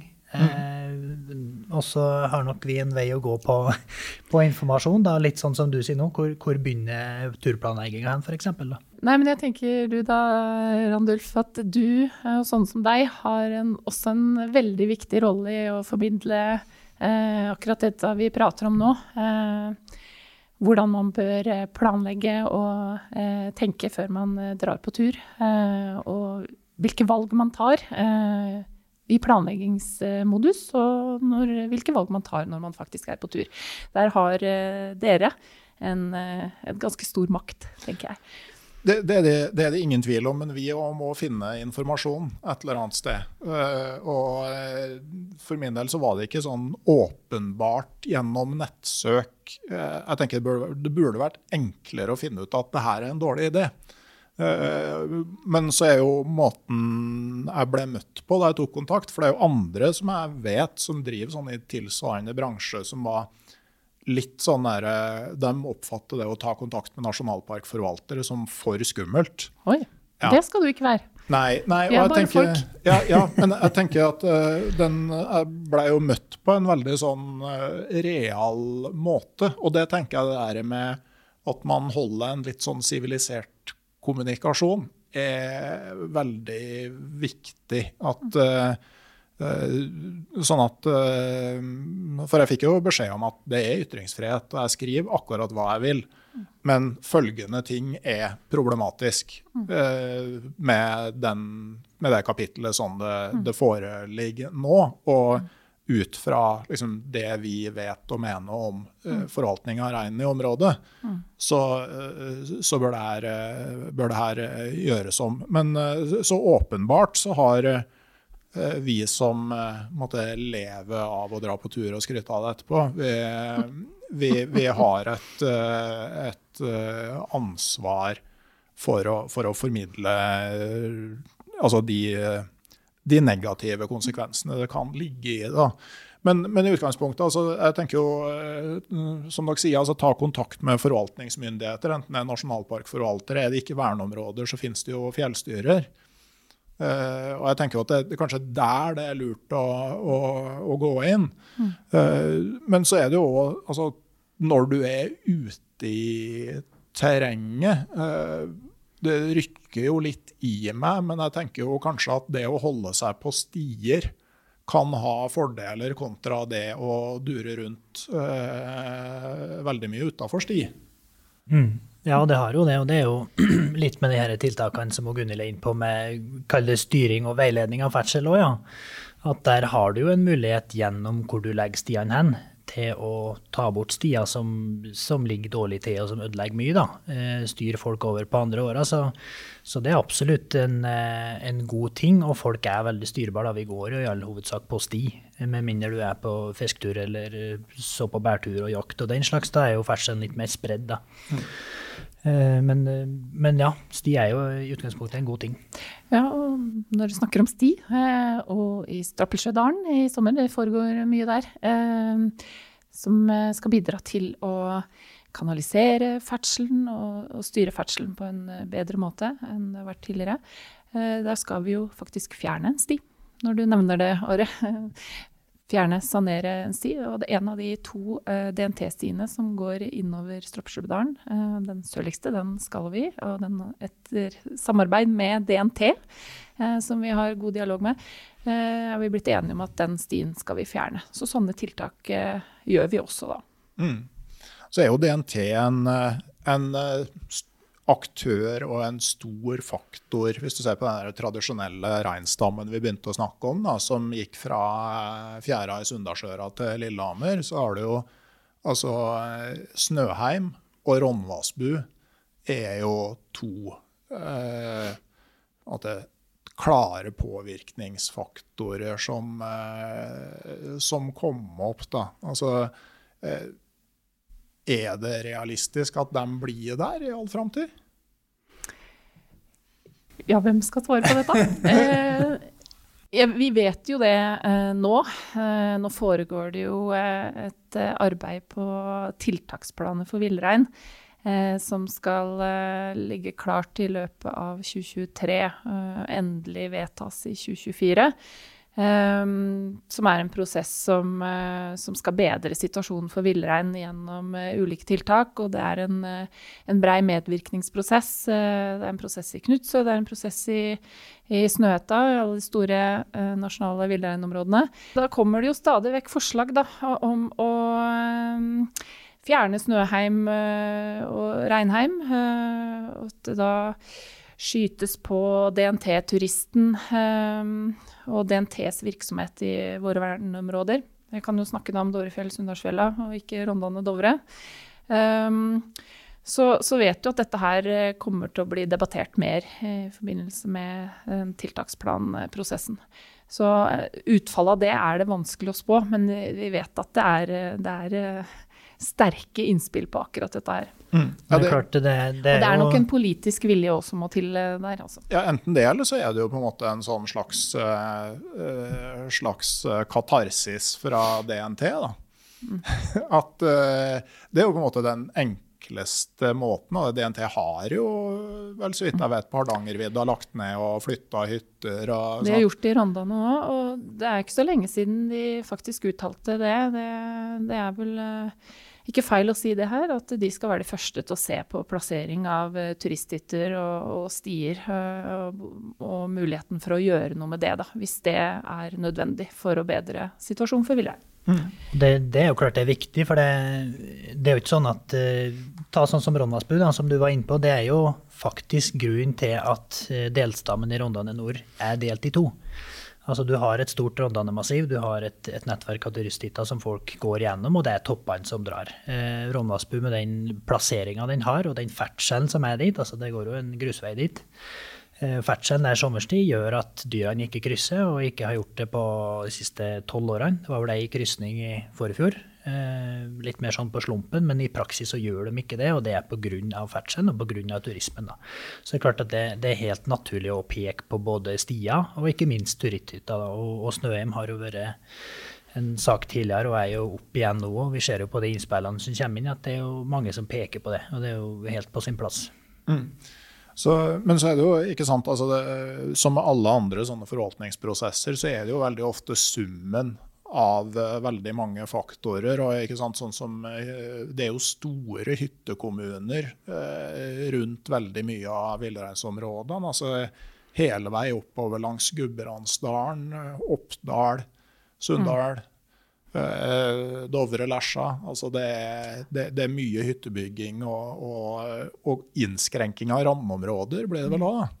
Eh, ja, I forbindelse med arbeid med eh, tiltaksplaner og, stortingsmelding, som er et arbeid som også pågår i, for tida i Klima- og miljødepartement, så er eh, det pekt på dette med hyttebygging i, i områdene rundt verneområdene. Og det ligger jo, vet jo det at det ligger jo store planreserver i, i areal, kommunenes arealplaner eh, rundt omkring eh, som, som eh, potensielt kan bli bygd ut, og det blir enda mer trøkk på, på, på verneområdene da. Uh, og med hytteutbygging så kommer da økt ferdsel også inn i verneområdene. Så hyttebygging og prosesser knytta til plan- og bygningslov er også noe som må ses på dette her arbeidet her, da. Og det er ikke vi som jobber med nasjonalparkforvaltning som rette instans. Nei, og det, og det, er jo litt sånn Hvis vi går tilbake til første episode i den miniserien her, da, med, hvor vi så på det juridiske grunnlaget for friluftslivet, så ikke sant? Friluftsloven tilsier jo, altså Allemannsretten sier jo at du har lov å ferdes så lenge som det ikke er til utilbørlig ulempe for, for, eieren eller for naturen i seg sjøl. Men som eh, da Fredrik Holt påpekte, at eh, friluftsloven og allemannsretten eh, blir jo i stor grad påvirka av resten av lovverket. ikke sant? Når plan- og bygningsloven, eh, men når du med den i hånd kan øke hyttebygginga og kanskje komme til et punkt hvor det at fri ferdsel i Dovrefjell, Sunndalsfjella ikke er mulig, så er det ikke loven som stopper friluftslivet, men det er de tilgjengelige arealene for å drive et friluftsliv. Og, og kan vi komme dit hvor vi rett og slett eh, må ta mer sånn hardhendte midler i bruk for å sikre reinens framtid i Dovrefjell? Det tror jeg nå absolutt. Det er jo kanskje mange som setter seg på bakføttene og tenker at å, skal ikke få lov til å gå der og sånt noe. Det har vi jo alltid gjort. Og jeg tror nok en kommer dit at en må ta i bruk litt annet virkemiddel enn det en har gjort. Altså Vi har en villrein der du ser på dyrene, på kalvevekta, på produksjon og på arealbruk at de har det ikke bra. Altså det, det er rødt lys, det blinker rødt. Og det er ikke sånn at det begynner å bli ubehagelig for reinen, men det brenner. Og det er klart at da, da må vi kunne se på oss sjøl òg, og det vi driver med. Eh, må vi akkurat det? For det er klart, eh, hvis vi skal dra litt langt, da, mye av det vi driver med i fjellet i dag, det er jo ganske trivielt. Vi må jo ikke gå på tur. Vi må ikke se moskus. Eh, det er kanskje enklere å, å, argumentere for noe av det høstningsbaserte friluftslivet, men, men mye godt er det jo en hobby og en fritidsaktivitet. Og da blir det jo litt feil at det skal Altså Hvis vi ikke skal kunne begrense det da, nok til at vi kan ha levende villreinstammer i Norge i framtida, det syns jeg ville vært trist. Mm. Ja, Vi merker jo allerede nå um, at de positive virkemidlene da, som vi har i verktøykassa vår, de funker kanskje ikke til det formålet de skal funke til. Funke til. Um, vi vil jo gjøre evalueringer etter årets sommersesong og se se på om naturveiledning på Moskustien har bidratt til uh, en bedring. Uh, veldig målbart er det kanskje ikke etter én sesong. Uh, men vi, vi som jeg pleier å si, at verktøykassa vår er kanskje litt tom. at man da, som Are sier, må gå litt mer drastisk til verks og ta noen grep som kanskje smerter litt for, for, noen. Det tror jeg ikke vi kommer utenom. Um, og når det gjelder dette med, med, ferdsel og ferdselsforbud, så er jo dette et uh, tema som må drøftes i uh, tiltaksplanarbeid. Eh, veldig mange innspill som har kommet på dette med å regulere ferdsel enda mer enn det vi gjør i dag. Vi regulerer jo ferdsel i ganske liten grad, fordi verktøykassa er litt slunken. men det å innføre ferdselsforbud på enkelte arealer til enkelte tider av året, er kanskje en, en nødvendig vei å gå.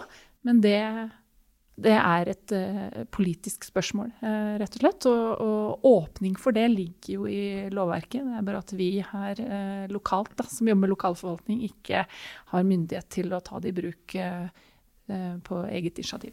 Mm. Og så er jo det et, det må man ha med seg at det er jo et forferdelig drastisk tiltak, og et negativt tiltak. Det er jo ingen som har lyst til å og fortelle folk at eh, nei, du kan faktisk ikke gå dit. Men vi må jo se litt på hvor vi har kommet nå. da. Situasjonen er ikke sånn som den, den kanskje tradisjonelt har vært. Og jeg tror kanskje at vi nordmenn har hatt en, en tendens til å tenke at vi har uendelig mye skog og fjell, og, og det er ubegrensa.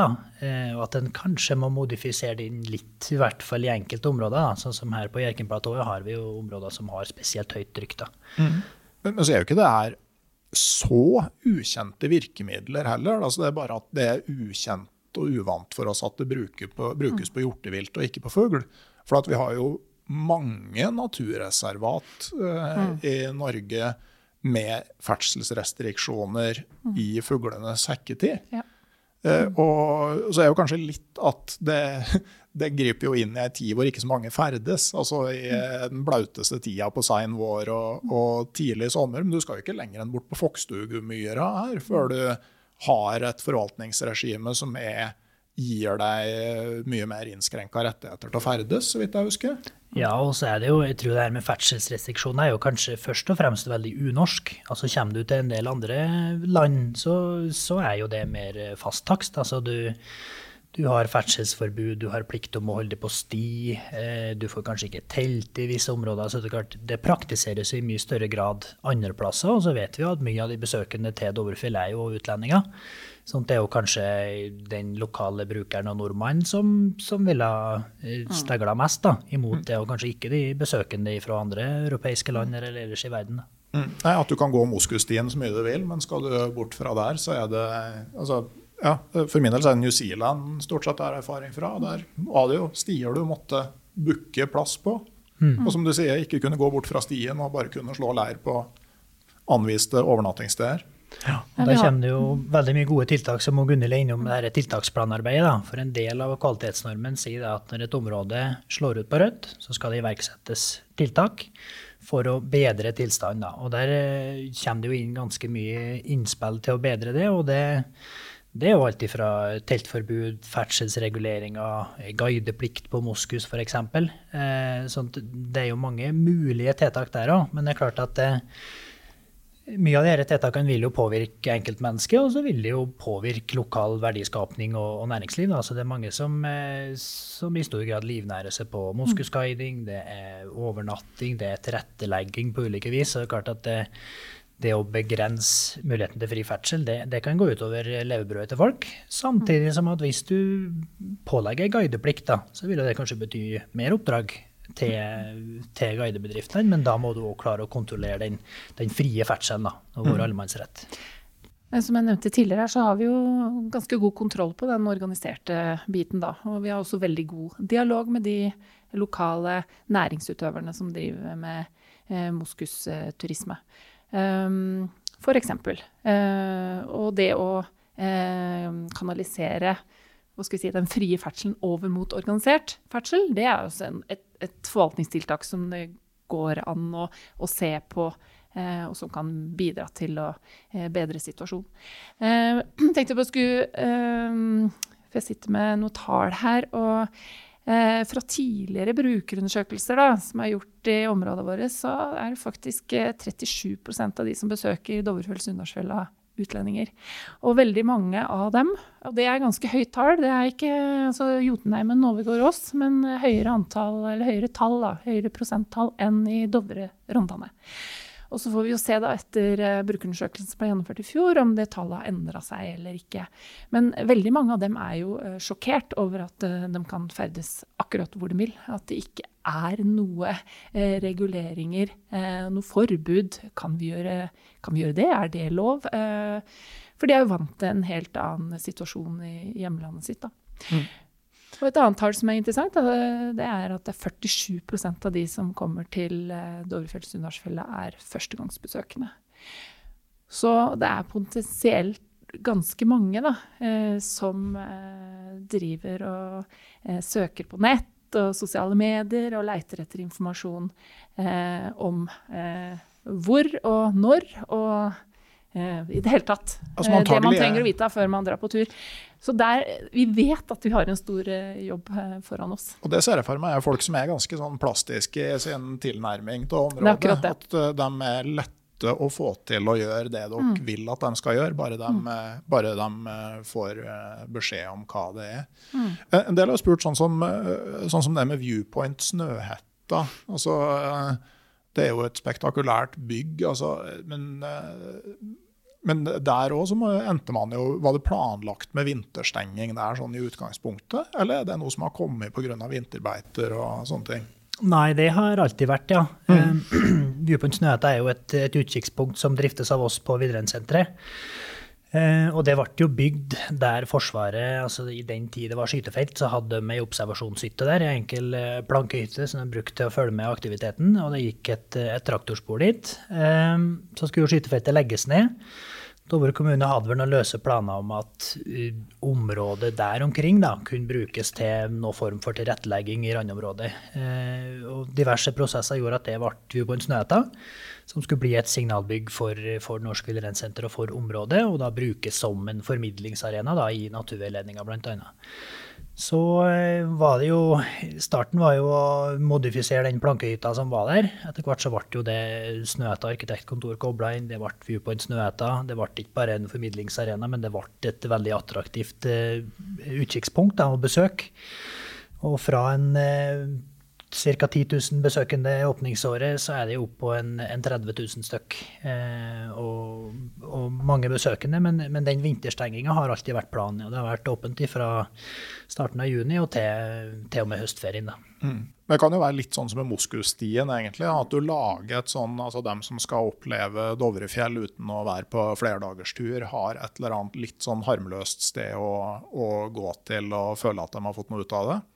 Ja, i starten så ble det jo sånn eh, fleipet markedsført som at du kunne se Snøhetta på stiletthæla. Da. Altså det er en, eh, en enkel grussti opp dit, eh, samtidig som at vi har noen, noen steinheller og litt skilt og sånn som forteller om villrein og menneske sin historie eh, fram til i dag. Og så har vi naturveiledere på toppen. Altså vi prøver å koble på villreinkunnskap, kunnskap om området og hensyn til dyrelivet på de besøkende.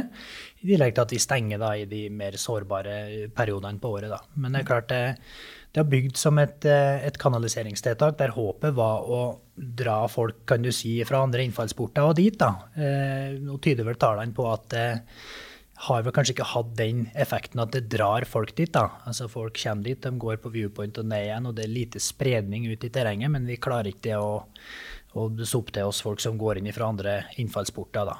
Nei. Og det, det, kan jo kanskje ha noe med moskusen å gjøre, da, som, som, er enklere å få sett lenger nord, og som, som, er målet til veldig mange besøkende her. da. Ja, altså, hvor, altså Moskusen har jo vært tatt fram som liksom altså, Den gjør situasjonen vanskeligere for, eh, for eh, villreinen. Altså, for en ting er jo på sommeren, men også det er jo stadig flere naturfotografer. Og moskus som reiser seg og rister av seg snøen, er jo mm. et majestetisk syn. Men der er det vel en del overlapp med beiteområder for reinen òg?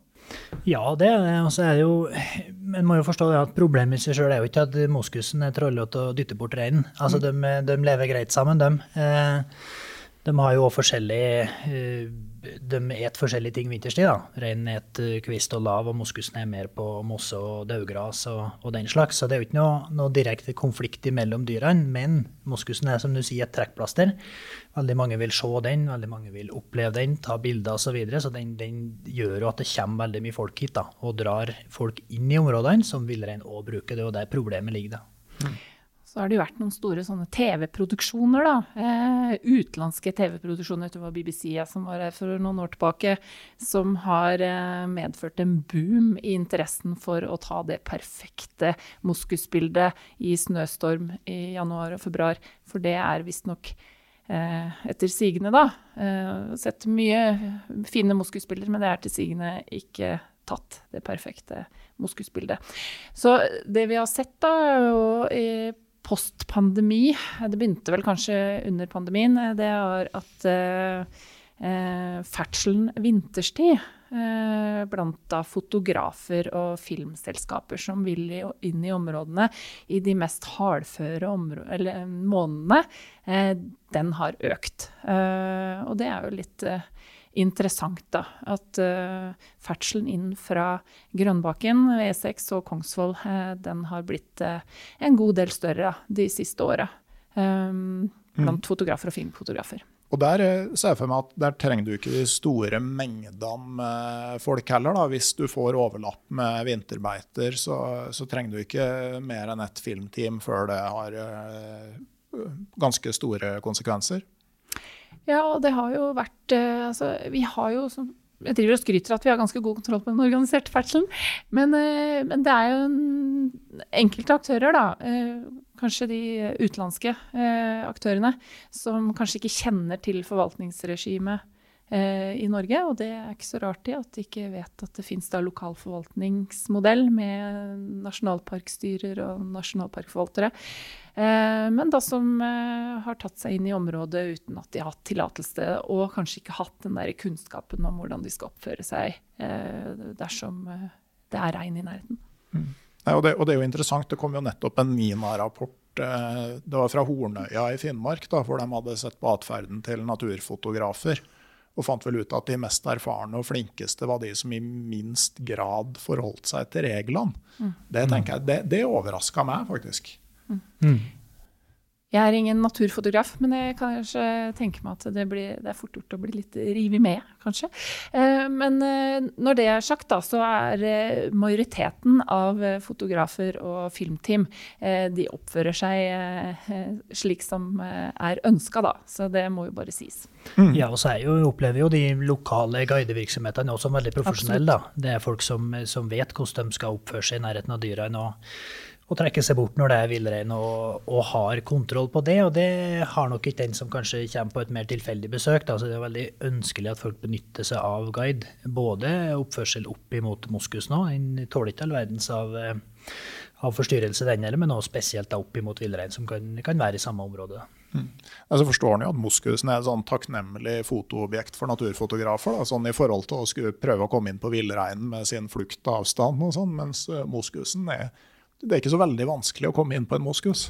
Nei da, de har jo to forskjellige forsvarsstrategier. da. Moskusen mm. den er stor og sterk og hard i skallen, og kommer det en trussel, så, så stiller den opp den og mm. utfordrer. Mm. Villreinen den sprenger. Mm. Og sprenger og sprenger og sprenger. Så det er klart at det å komme inn på en moskus det er ikke så vanskelig, men samtidig så er det jo Moskusen bruker jo tida på å fokusere på det som fotograf, f.eks. Altså, mm. det blir mindre tid til beiting, det blir forstyrrelser. Så, så sjøl om den ikke angriper det, så betyr det ikke at du ikke er i veien for å si det sånn, da. Nei. Den, Nei, og Det er eh, derfor vi anbefaler å ha en minimumsavstand på 200 meter. Eh, mm. Det er veldig viktig. Og ja. den, flest overholder det, da. Mm, den forsvarsstrategien den får jo litt sånn ulike effekter i møte med toget òg. Ja, det kan bli litt mer uheldig. Det er jo, eh, det er jo moskus som forviller seg ned på togbanen og kanskje inn i tunnelene. da, Søker ly for eh, regn og vær og vind. Og så er det jo en og annen hormonell tøffing som stiller seg opp. da. Mm. Det, det, er dårlig odds. Så det ryker noen moskus på jernbanen. Mm. Men litt sånn eh, det der med, med jakta òg. For det, det er jo Vi har jo forklart hvorfor man jakter rein, og at det er en fornuftig måte å forvalte bestanden på. Eh, men sånn det er nå, så, så, er det jo helt vanlige privatpersoner som står for jakta. Mm. Eh, kan søke om kort på ei liste, utenbygdsboende på ei annen. med litt dårligere odds. Bare nevne at akkurat mens jeg satt og jobba med den episoden, her, så tikka det inn et kalvekort i dalsida øst. Jeg var, det er 15 år siden sist. Jeg, Gratulerer. Ja, det er karma. God karma. det er ikke alle som er like heldige, skjønner du. Nei, jeg vet det. Og det er den vanlige Jeg er medlem av en sånn Facebook-gruppe for uh, villreinsjakt, og det er mye knuste drømmer. Altså i mm. midten av mai uh, hvert år der. Og det er jo statistisk sett 10-15 år mellom hver gang du får jakt. Mm. Uh, men men man, det er jo en viss forstyrrelse i å slippe noen hundre personer med større og mindre kunnskap og erfaring ut i fjellet for å gjøre denne forvaltningsjobben òg? Ja, absolutt. Og det er klart, eh, Reinsjakta er jo en, en, betydelig forstyrrelse i den tida på året den foregår. Eh, så kan jeg jo si at den er jo relativt avgrensa. Fra at de tidligere kunne jakte omtrent året rundt, så er det jo nå en, en tre-fire uker det er prat om. da, Fra 20.8 og utover noen gang i september. Men eh, det er klart, da har du, du har mye folk i terrenget. Folk er spredd. altså Det sitter røde luer på hver en fjelltopp og i hver et skar. Så det er klart det er en helt annen områdebruk på folket. Du beveger jo aktivt inn på dyrene for å skyte et. Hvis du skyter, så skremmer du, og de gangene du ikke klarer å skyte, så skremmer du òg. Det er klart, eh, det ser vi òg ganske tidlig, at i starten av jakta så kan dyrene være spredd litt i flokker. Eh, allerede de første dagene så samler de seg i større flokker og begynner å trekke på vinen. Mm. Sånn at det er jo tydelig at de, de, responderer jo veldig fort på det og blir jakta på, og, og setter i gang forsvarsmekanismene. Og det er en betydelig forstyrrelse i den tida det pågår. Da. Men, mm. men nettopp derfor er den jo det er strengt regulert jakt. Eh, det er kortvarig jakt imot mye annet. Eh, men ja, absolutt en forstyrrelse. Ja, for, du kunne sett for deg at du hadde sendt inn et team av gamle skarpskyttere fra Forsvaret som lå eh, plukka ned det som skulle plukkes med radiosamband på 300 meters hold, ikke sant? med samme sikkerhet som vi dødelige skyter på 100. Ja, og kanskje større sikkerhet. så Det er klart, det er jo ekstremvarianten i andre enden, men da må man jo dra inn det her kulturelle for vår del. da. Altså, mm. Første som kom til Norge, det var villreinjegere. Mm. Eh, det har ført oss hele veien. Og det er klart, selv om vi ikke driver med boggostø og, og pil og bue og fangstgropa, så er det jo det er jo fortsatt den eh, kulturen for oss i fjellbygdene. da. Det er ut og, og jakte rein. Og jeg tror at mye av omsorgen for dyret kommer jo derifra. Altså, Det er ikke alle som vil ha vaser rundt i fjellet og og, og kikka på reinen og tatt inn over seg den naturopplevelsen ellers. Så jeg tror at, eh, Og det skjer jo i mye, mye forvaltning og i engasjement òg, at i buen så er mange villreinjegere. Det er kanskje der interessen og fascinasjonen har starta. Og det, det, er, det, er, en del av vår kultur, og det er viktig. Men det er klart å se på jaktregimet, det burde en jo òg gjøre. Eh, når vi prater om tiltak, da, kan det være plasser du ikke bør jakte på? Mm. Bør du fordele antall løyver på, på færre folk? Bør du sette ja, for lenge, for kort jakttid, eh, tida på dagen du skal jakte. Så det, det, er mange sånne mulige ting du kan sette inn. da, og jeg, jeg mm. tror at i det her så må man jo snu alle steiner, og da må jegeren òg være villig til å, å, begrense for å bidra. da. Men jeg tror det er veldig viktig det du sier, ikke sant, med det der, at man har en At, at reinen og at den liksom sitter i ryggmargen mm. i de bygdene rundt villreinsområdene, og at den innebærer noe positivt, og at du har en sånn aktiv eh, del i forvaltninga av Jeg tror du mister noe veldig viktig i det du tar bort det der. Jeg kan jo si det som eh, ikke kommer herfra. Eh, og eh, ser dette her litt utafra, da, hvor sterkt identiteten knytta til villrein og villreinjakt står i disse områdene. Eh, på begge sider av fjellet, egentlig. Og, og i vest òg, eh, hvis vi snakker rundt aksen Dovrefjell. Da, den står utrolig sterkt. Eh, man sa jo det at eh, villreinen var fortidas kneippbrød. Eh, og det er jo ikke langt unna fortsatt, for det er noen som lever og ånder for eh, villreinjakt. Og tror jeg oppriktig vil dens eget beste. Da.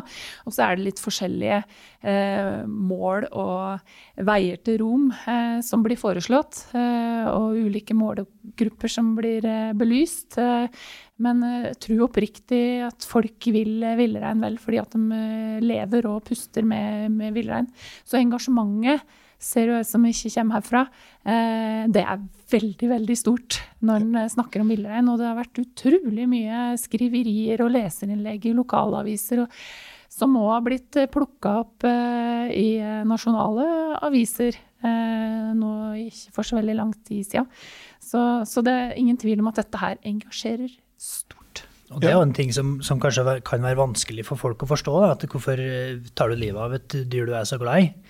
Men jeg tror at du finner nok ingen som er så oppriktig glad i villrein og har såpass kunnskap om den som en, en dedikert reinsjeger. Eh, og det må jeg jo si for egen del òg, at eh, hvis jeg fikk beskjed om at du får ikke jakte rein de neste fem årene fordi at her må det være ro og, og, og ting må få tas opp, så greit. Da, da legger jeg ned geværet. Vi, vi, må være villige til å bidra her alle sammen hvis vi skal ha de her dyrene i framtida. Mm, ja, det, definitivt. Men, men jeg er jo veldig enig i det at altså, ikke sant, for å hvis du går veldig ned på den sånn lokale forvaltninga og de politiske avgjørelsene som i bunn og grunn er det som både har ført oss dit vi er i dag, da, men òg vil regulere hvordan det her skal være videre. Altså for det er jo pengegevinst kontra natur ofte det dreier seg om, enten det er kraftutbygging, eller det er veiutbygging eller det er hyttebygging. Så har du inntektsmuligheter på ene sida og naturen på den andre. og når den naturen i form av rein og reinsjakt har en betydning for deg, så tenker jeg det er ganske innlysende at det påvirker eh, de beslutningene som blir tatt. Akkurat det samme som f.eks. Med, med laksen. At uh, det at det faktisk noen står der og fisker den. For, den, for det enkelte individ så er det jo ikke positivt. Men for bestanden som helhet så tror jeg altså tar du bort uh, de som ønsker at det skal være laks, sjøl om det er for at, bare fordi at man vil fiske den. Så tar du bort en stemme som er, som er viktig. Og så er det jo litt her ei avveining mellom eh, ulike interesser økonomisk, kan du si, villrein òg. Altså, du har jo fjellstyrer, bygdeallmenning, rettighetshavere, både private og offentlige, som har ei stor inntekt på reinsjakta. Og hvis andre friluftsaktiviteter, hyttebygging, eh, gjør at det blir mindre rein, så blir det mindre inntekt. Så du har jo der òg en slags konkurranse mellom interesser. Da. Det er jo ikke bare for meg som som betaler rikelig for å få den naturopplevelsen, men det er jo faktisk folk som har inntekter på det, og der den, den enes inntekt går på bekostning av den andres. da. Ja, det er klart. Altså, man kan jo diskutere akkurat hvordan eh, altså prispolitikk og sånne ting. Men jeg vet jo om eh, grunneiere som i perioder har hatt mer inntekter av å selge storbukken sin til høystbydende enn av gårdsdrifta. Ja, Eller som du er innom Laksevall f.eks. Ja. Betydelig inntekt i enkelte plasser. Ja, nei, så Vi kan jo også si litt om landbrukspolitikken òg, Uten at vi skal inn på det.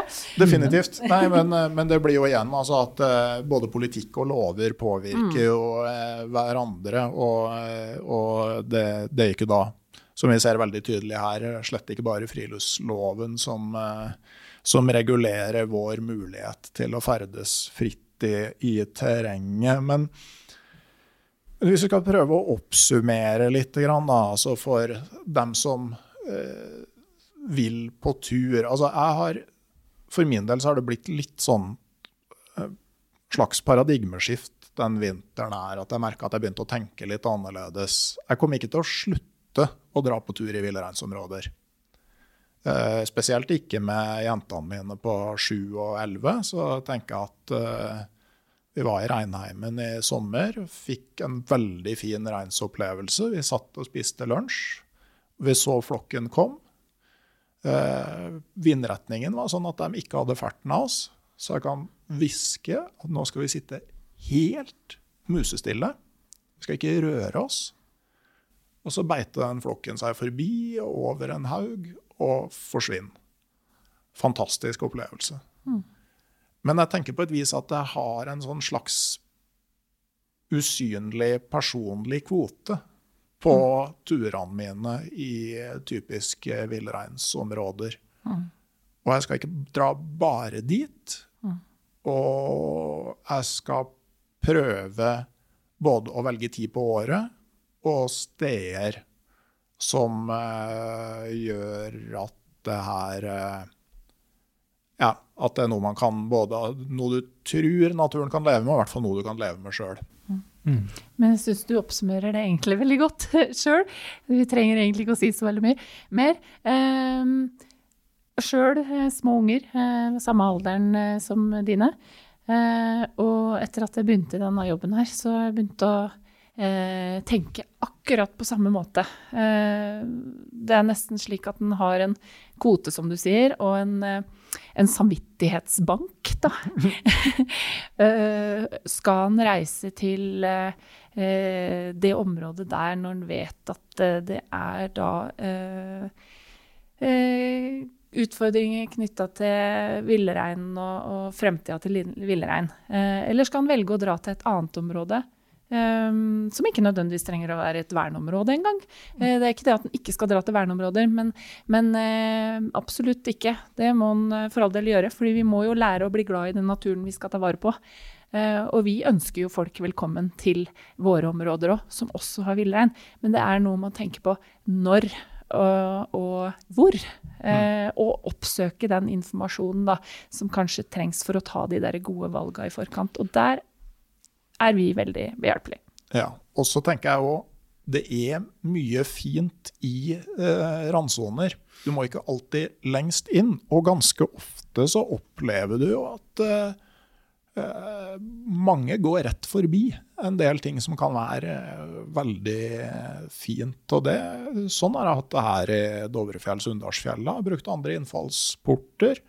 Og ikke gått så veldig langt, men kanskje gått litt rart. Mm. Uh, og fått uh, fine opplevelser, og igjen sammen med familie, da, hvor, du, hvor, du, fort lærer at det ligger veldig mye fint bak de første haugene. Men der kan en kanskje håpe at det er litt endring òg, for det er i hvert fall mitt inntrykk sånn tradisjonelt. Så vi skal liksom vi skal på kryss, og vi skal på tvers, og vi skal, vi skal gjennom og på langs og, Lengst og høyst, Og, og erobre. Men at som du sier, det finnes mye bra i randområdene. Du kan få veldig mye ut av ei, ei kronglete rute, da. Eh, mm. og det å søke kunnskap i forkant av turen. Og det er klart der eh, vi som får betalt for å drive med informasjon, vi må jo ta oss i nakken og få ut noe informasjon som treffer den som skal på tur, og gjøre det forståelig. Både på planleggingsstadiet, men også på det her med eh, hvordan du oppfører om du treffer på rein. Ja, hva også, gjør du da? Ja, eh, Det er jo skoleeksempel det du dro fram nå i stad. Men det er klart at eh, reinen ser jo godt eh, bevegelse, ting i silhuett, og den har en vanvittig luktesans. Så det å eh, Bruker du kikkert, løfter du blikket litt, så vil du kunne se dyrene på mye lengre hold. Og du vil kunne planlegge hvordan du går fram da. Eh, så ser du en flokk, styr unna, prøv å ikke værstøkke dem, og gå en runde rundt, eller vent til de har passert. da. Mm. Så, så, det er jo sånne gode generelle råd. Ikke oppsøk dyrene, ikke liksom gå inn på å ta bilde, men, men ha med deg en kikkert. Sett deg ned og, så, og, ta det med ro og nyte. For klart det, det, er jo en naturopplevelse uten sidestykke å ha flere hundre reinsdyr forbi det, og du hører eh, gartinga, som vi sier, altså pratinga på, på, mange hundre meter, kanskje en kilometer. Da. Det er jo noe som, mm. som setter seg i det. Ja. Men jeg tror det handler mye om at eh, folk flest der ute eh, ikke helt veit hvordan de skal oppføre seg, og uh, hva som er gode valg. Uh, og jeg begynner å ta meg i det som en eventuelt god eller dårlig venninne. Og det er hvis folk planlegger turer da, til områder som jeg veit er sårbare, så har jeg begynt å si ifra om det. Mm. Mm. Og det, føler, det går på en samvittighetskvote, det òg, eh, som da er på den dårlige sida. Eh, på en måte belyser den eh, turideen da, som heller eh, ikke så veldig god. Mm. Men ja, sånn, mm. sånn er det blitt. Ja, nei, men jeg tenker for dere, altså Vær tydelig på informasjon, men jeg tenker også ikke la folk få villreinsskam i tillegg mm. til all den andre eh, skammen. Det, Absolutt. Det, for jeg tror ikke Altså, eh, på en måte på, der vi på den positive sida ser ikke sant, reinsjegeren som vil ta, ta, vare på eh, det dyret som man syns er så fascinerende, og syns det er så interessant og spennende å jakte på. Mm. Så er jo på en måte motsatsen til det blir jo den som føler seg utestengt fra et område som eh, ikke får dratt på tur lenger pga. Mm. villreinen. Da kan du få en stikk motsatt effekt. Det kan, og det, det er jo ikke det at en ikke skal dra på tur eh, til eh, det området, men det handler om når. Mm. Mm. Ja, når og hvor. Og jeg tror helt som du sier at en skal ikke en skal ikke liksom eh, skremme bort og, og preike folk, folk, bort ifra det, for da, da, får du fort en motvilje. da. Eh, men, men, ja, når og hvor enn og hvordan du oppfører deg. Og det er klart det å å få sett rein uten at den ser det, der ligger det jo en stor mestringsfølelse. Og da har jo ikke du bidratt til noe negativt, da, hvis den ikke merka at du var der. Nei, Nei og så lenge som forvaltningsregimet er som det er, så kan man jo hive inn en lottokupong og en søknad på våren. Det er en fantastisk opplevelse å være på reinsjakt. Og det der, når du har funnet deg noe du mener er et bra sted, og så satt deg med kikkerten, vært oppe tidlig om morgenen, og så ser du deg rundt, og så ser du at her er det jo et ledegjerde, og her er det jo ei dyregrav. Mm. Så tenker jeg at hvor mange hundre år sia mm. er det her ble bygd? Altså her har noen vært i akkurat samme ærend som deg for lenge, lenge, lenge sia. Mm. Det gir meg litt sånn frysninger på ryggen. Og gjerne går fortsatt rein akkurat forbi der, da. Den ja. kunnskapen de satt på da, den samme som vi bruker i dag. Altså mm. Vi har forandra oss mye. Vi har moderne gevær og kikkertsikte og avstandsmåler og det som er, men, men reinen er den samme. Og den er fortsatt forferdelig vanskelig å, å jakte på. Den, den har urinstinktene sine, og det er det som har gjort at den har berga. Mm. Og den opplevelsen du ga jentene dine da, med å sitte i regnheimen og se på den flokken som det ikke aktivt oppsøkte, men eh, for forbi, det gir jo eh, minner for resten av livet. Eh, som du også Viktig ballast da, som du viderefører til neste generasjon. Så er ikke det sier at en ikke skal oppsøke Eller at en skal oppleve sånne eh, Oppleve sånne situasjoner i fjellet. Det, det, det, hører med. Og det bidrar jo til at en blir enda mer glad i det, de fjella som en er satt til å ta vare på. Mm. Jeg tenker for så vidt bare én tanke som, eh, når det gjelder forvaltning, som jeg bare har lyst til å gjenta her til slutt. Og det at eh, vi må bli flinkere til å synliggjøre det at når man velger én ting, så er det andre ting man samtidig velger bort. Altså når du mm. velger du hytteutbygging, velger du opprettholdelse av veier, velger du Snøheim eh, eller Rånvassbu, så er det andre ting som ligger på den andre sida av vektskåla. altså sånn, Kanskje innskrenkninger i annen type ferdsel. Og jeg tror liksom i mye av de valgene som har blitt tatt, så har man ikke helt sett hva det er som har stått på spill på, på motsatt side. Man har kanskje ikke engang visst det. Men eh, jo mer vi vet, jo mer tror jeg det er viktig at det blir tydeliggjort. Altså, hva er det som er på den andre sida av ligninga her? Ja, og så, så, endrer det seg kanskje på, på måter han ikke klarer å se for seg i tida. Så det her føre-var-prinsippet, da. Altså ta, ta heller og sett på bremsa litt, så har vi litt mer å gå på. Det tror jeg er et uh, greit sted å runde av. Men uh, vi sitter altså her på Hjerkinn midt i mai. Her er det faktisk sol som titter inn uh, vinduene nå. Og den siste snøen ligger utover i terrenget ikke et eh, ille sted å være. Men eh, hvis dere helt fritt kunne valgt et sted hvor som helst i verden hvor dere kunne vært akkurat nå, hvor skulle det vært? Skal jeg begynne? Ja. Ja, da må jeg faktisk eh, ta turen over dammen. Mm -hmm. Til Canada. Og breddene til Store Slavesjø og MacLeod Bay, som er en nordøstlig arm til Store Slavesjø. Mm. Der er det uh, en Det er mange fine plasser der, men det er en oase med noen fine folk som har etablert seg der og bodd der i, i ganske mange år. Så da tar jeg turen dit. Mm. Er det lenge til isen går på Store Slavesjø i midten av mai? Jeg var der i 2008, og da var jeg der i mai, blant annet. Jeg tror den ligger fortsatt, ja. Eh, det er jo et eh, kaldt område om vinteren og relativt varmt om sommeren.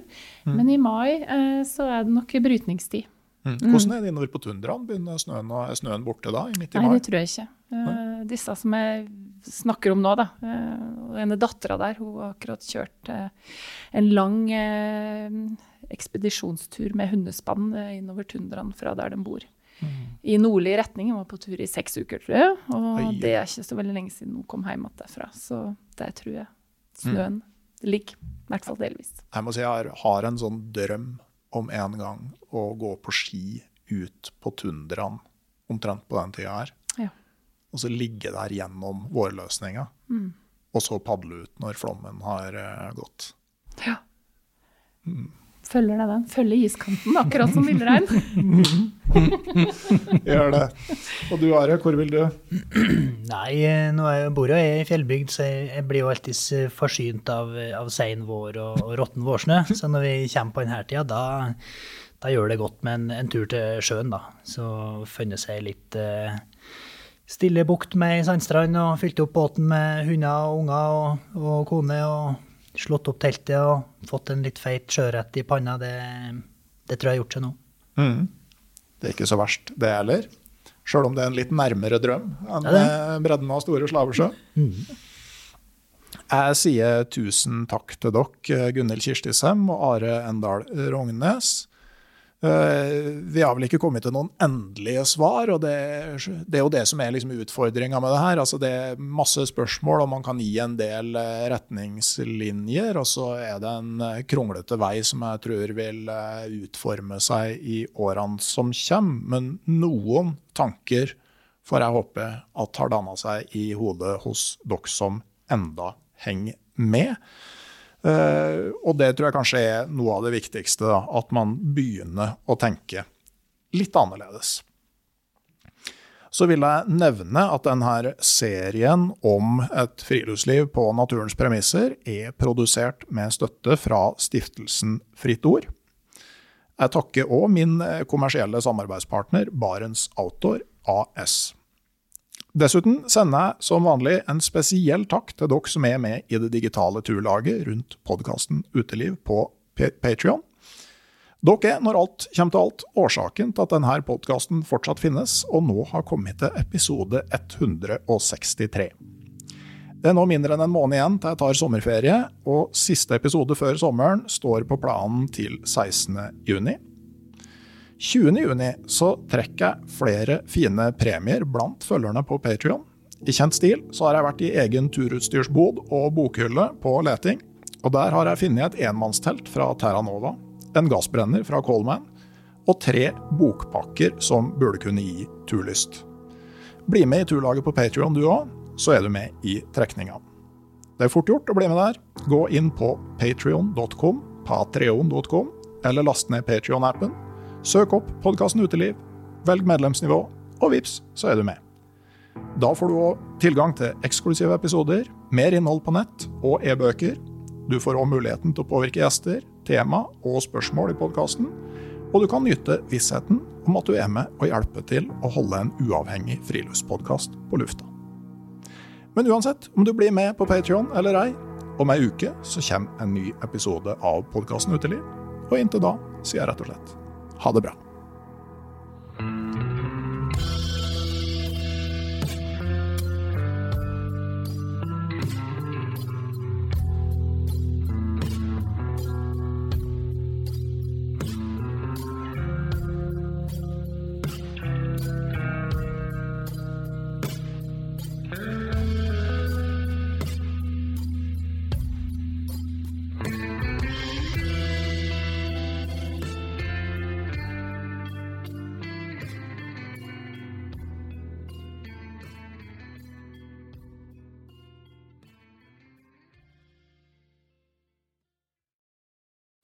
Hei, jeg heter Nore Helligsen og er daglig leder i Barents Outdoor. Det beste vi kan gjøre for planeten, er å redusere forbruket vårt og få mer ut av det utstyret vi allerede har. Men vi vet av erfaring at bruken av telt kan endre seg over tid. Det teltet du kjøpte for to år siden, passer kanskje ikke det behovet du har i dag. Derfor har vi i Barents etablert en egen panteordning der vi tar imot brukte telt av god kvalitet i innbytte når du kjøper et nytt av oss. Prosessen er enkel. På barentsoutdoor.no gir det oss informasjon om teltet du vil bytte inn. Basert på det får du et tilbud fra oss som gir deg rabatt på ditt neste Barents-produkt. Mer info og betingelser finner du på barentsoutdoor.no. Og husk at den første reparasjonen på produkter fra Barents er alltid gratis.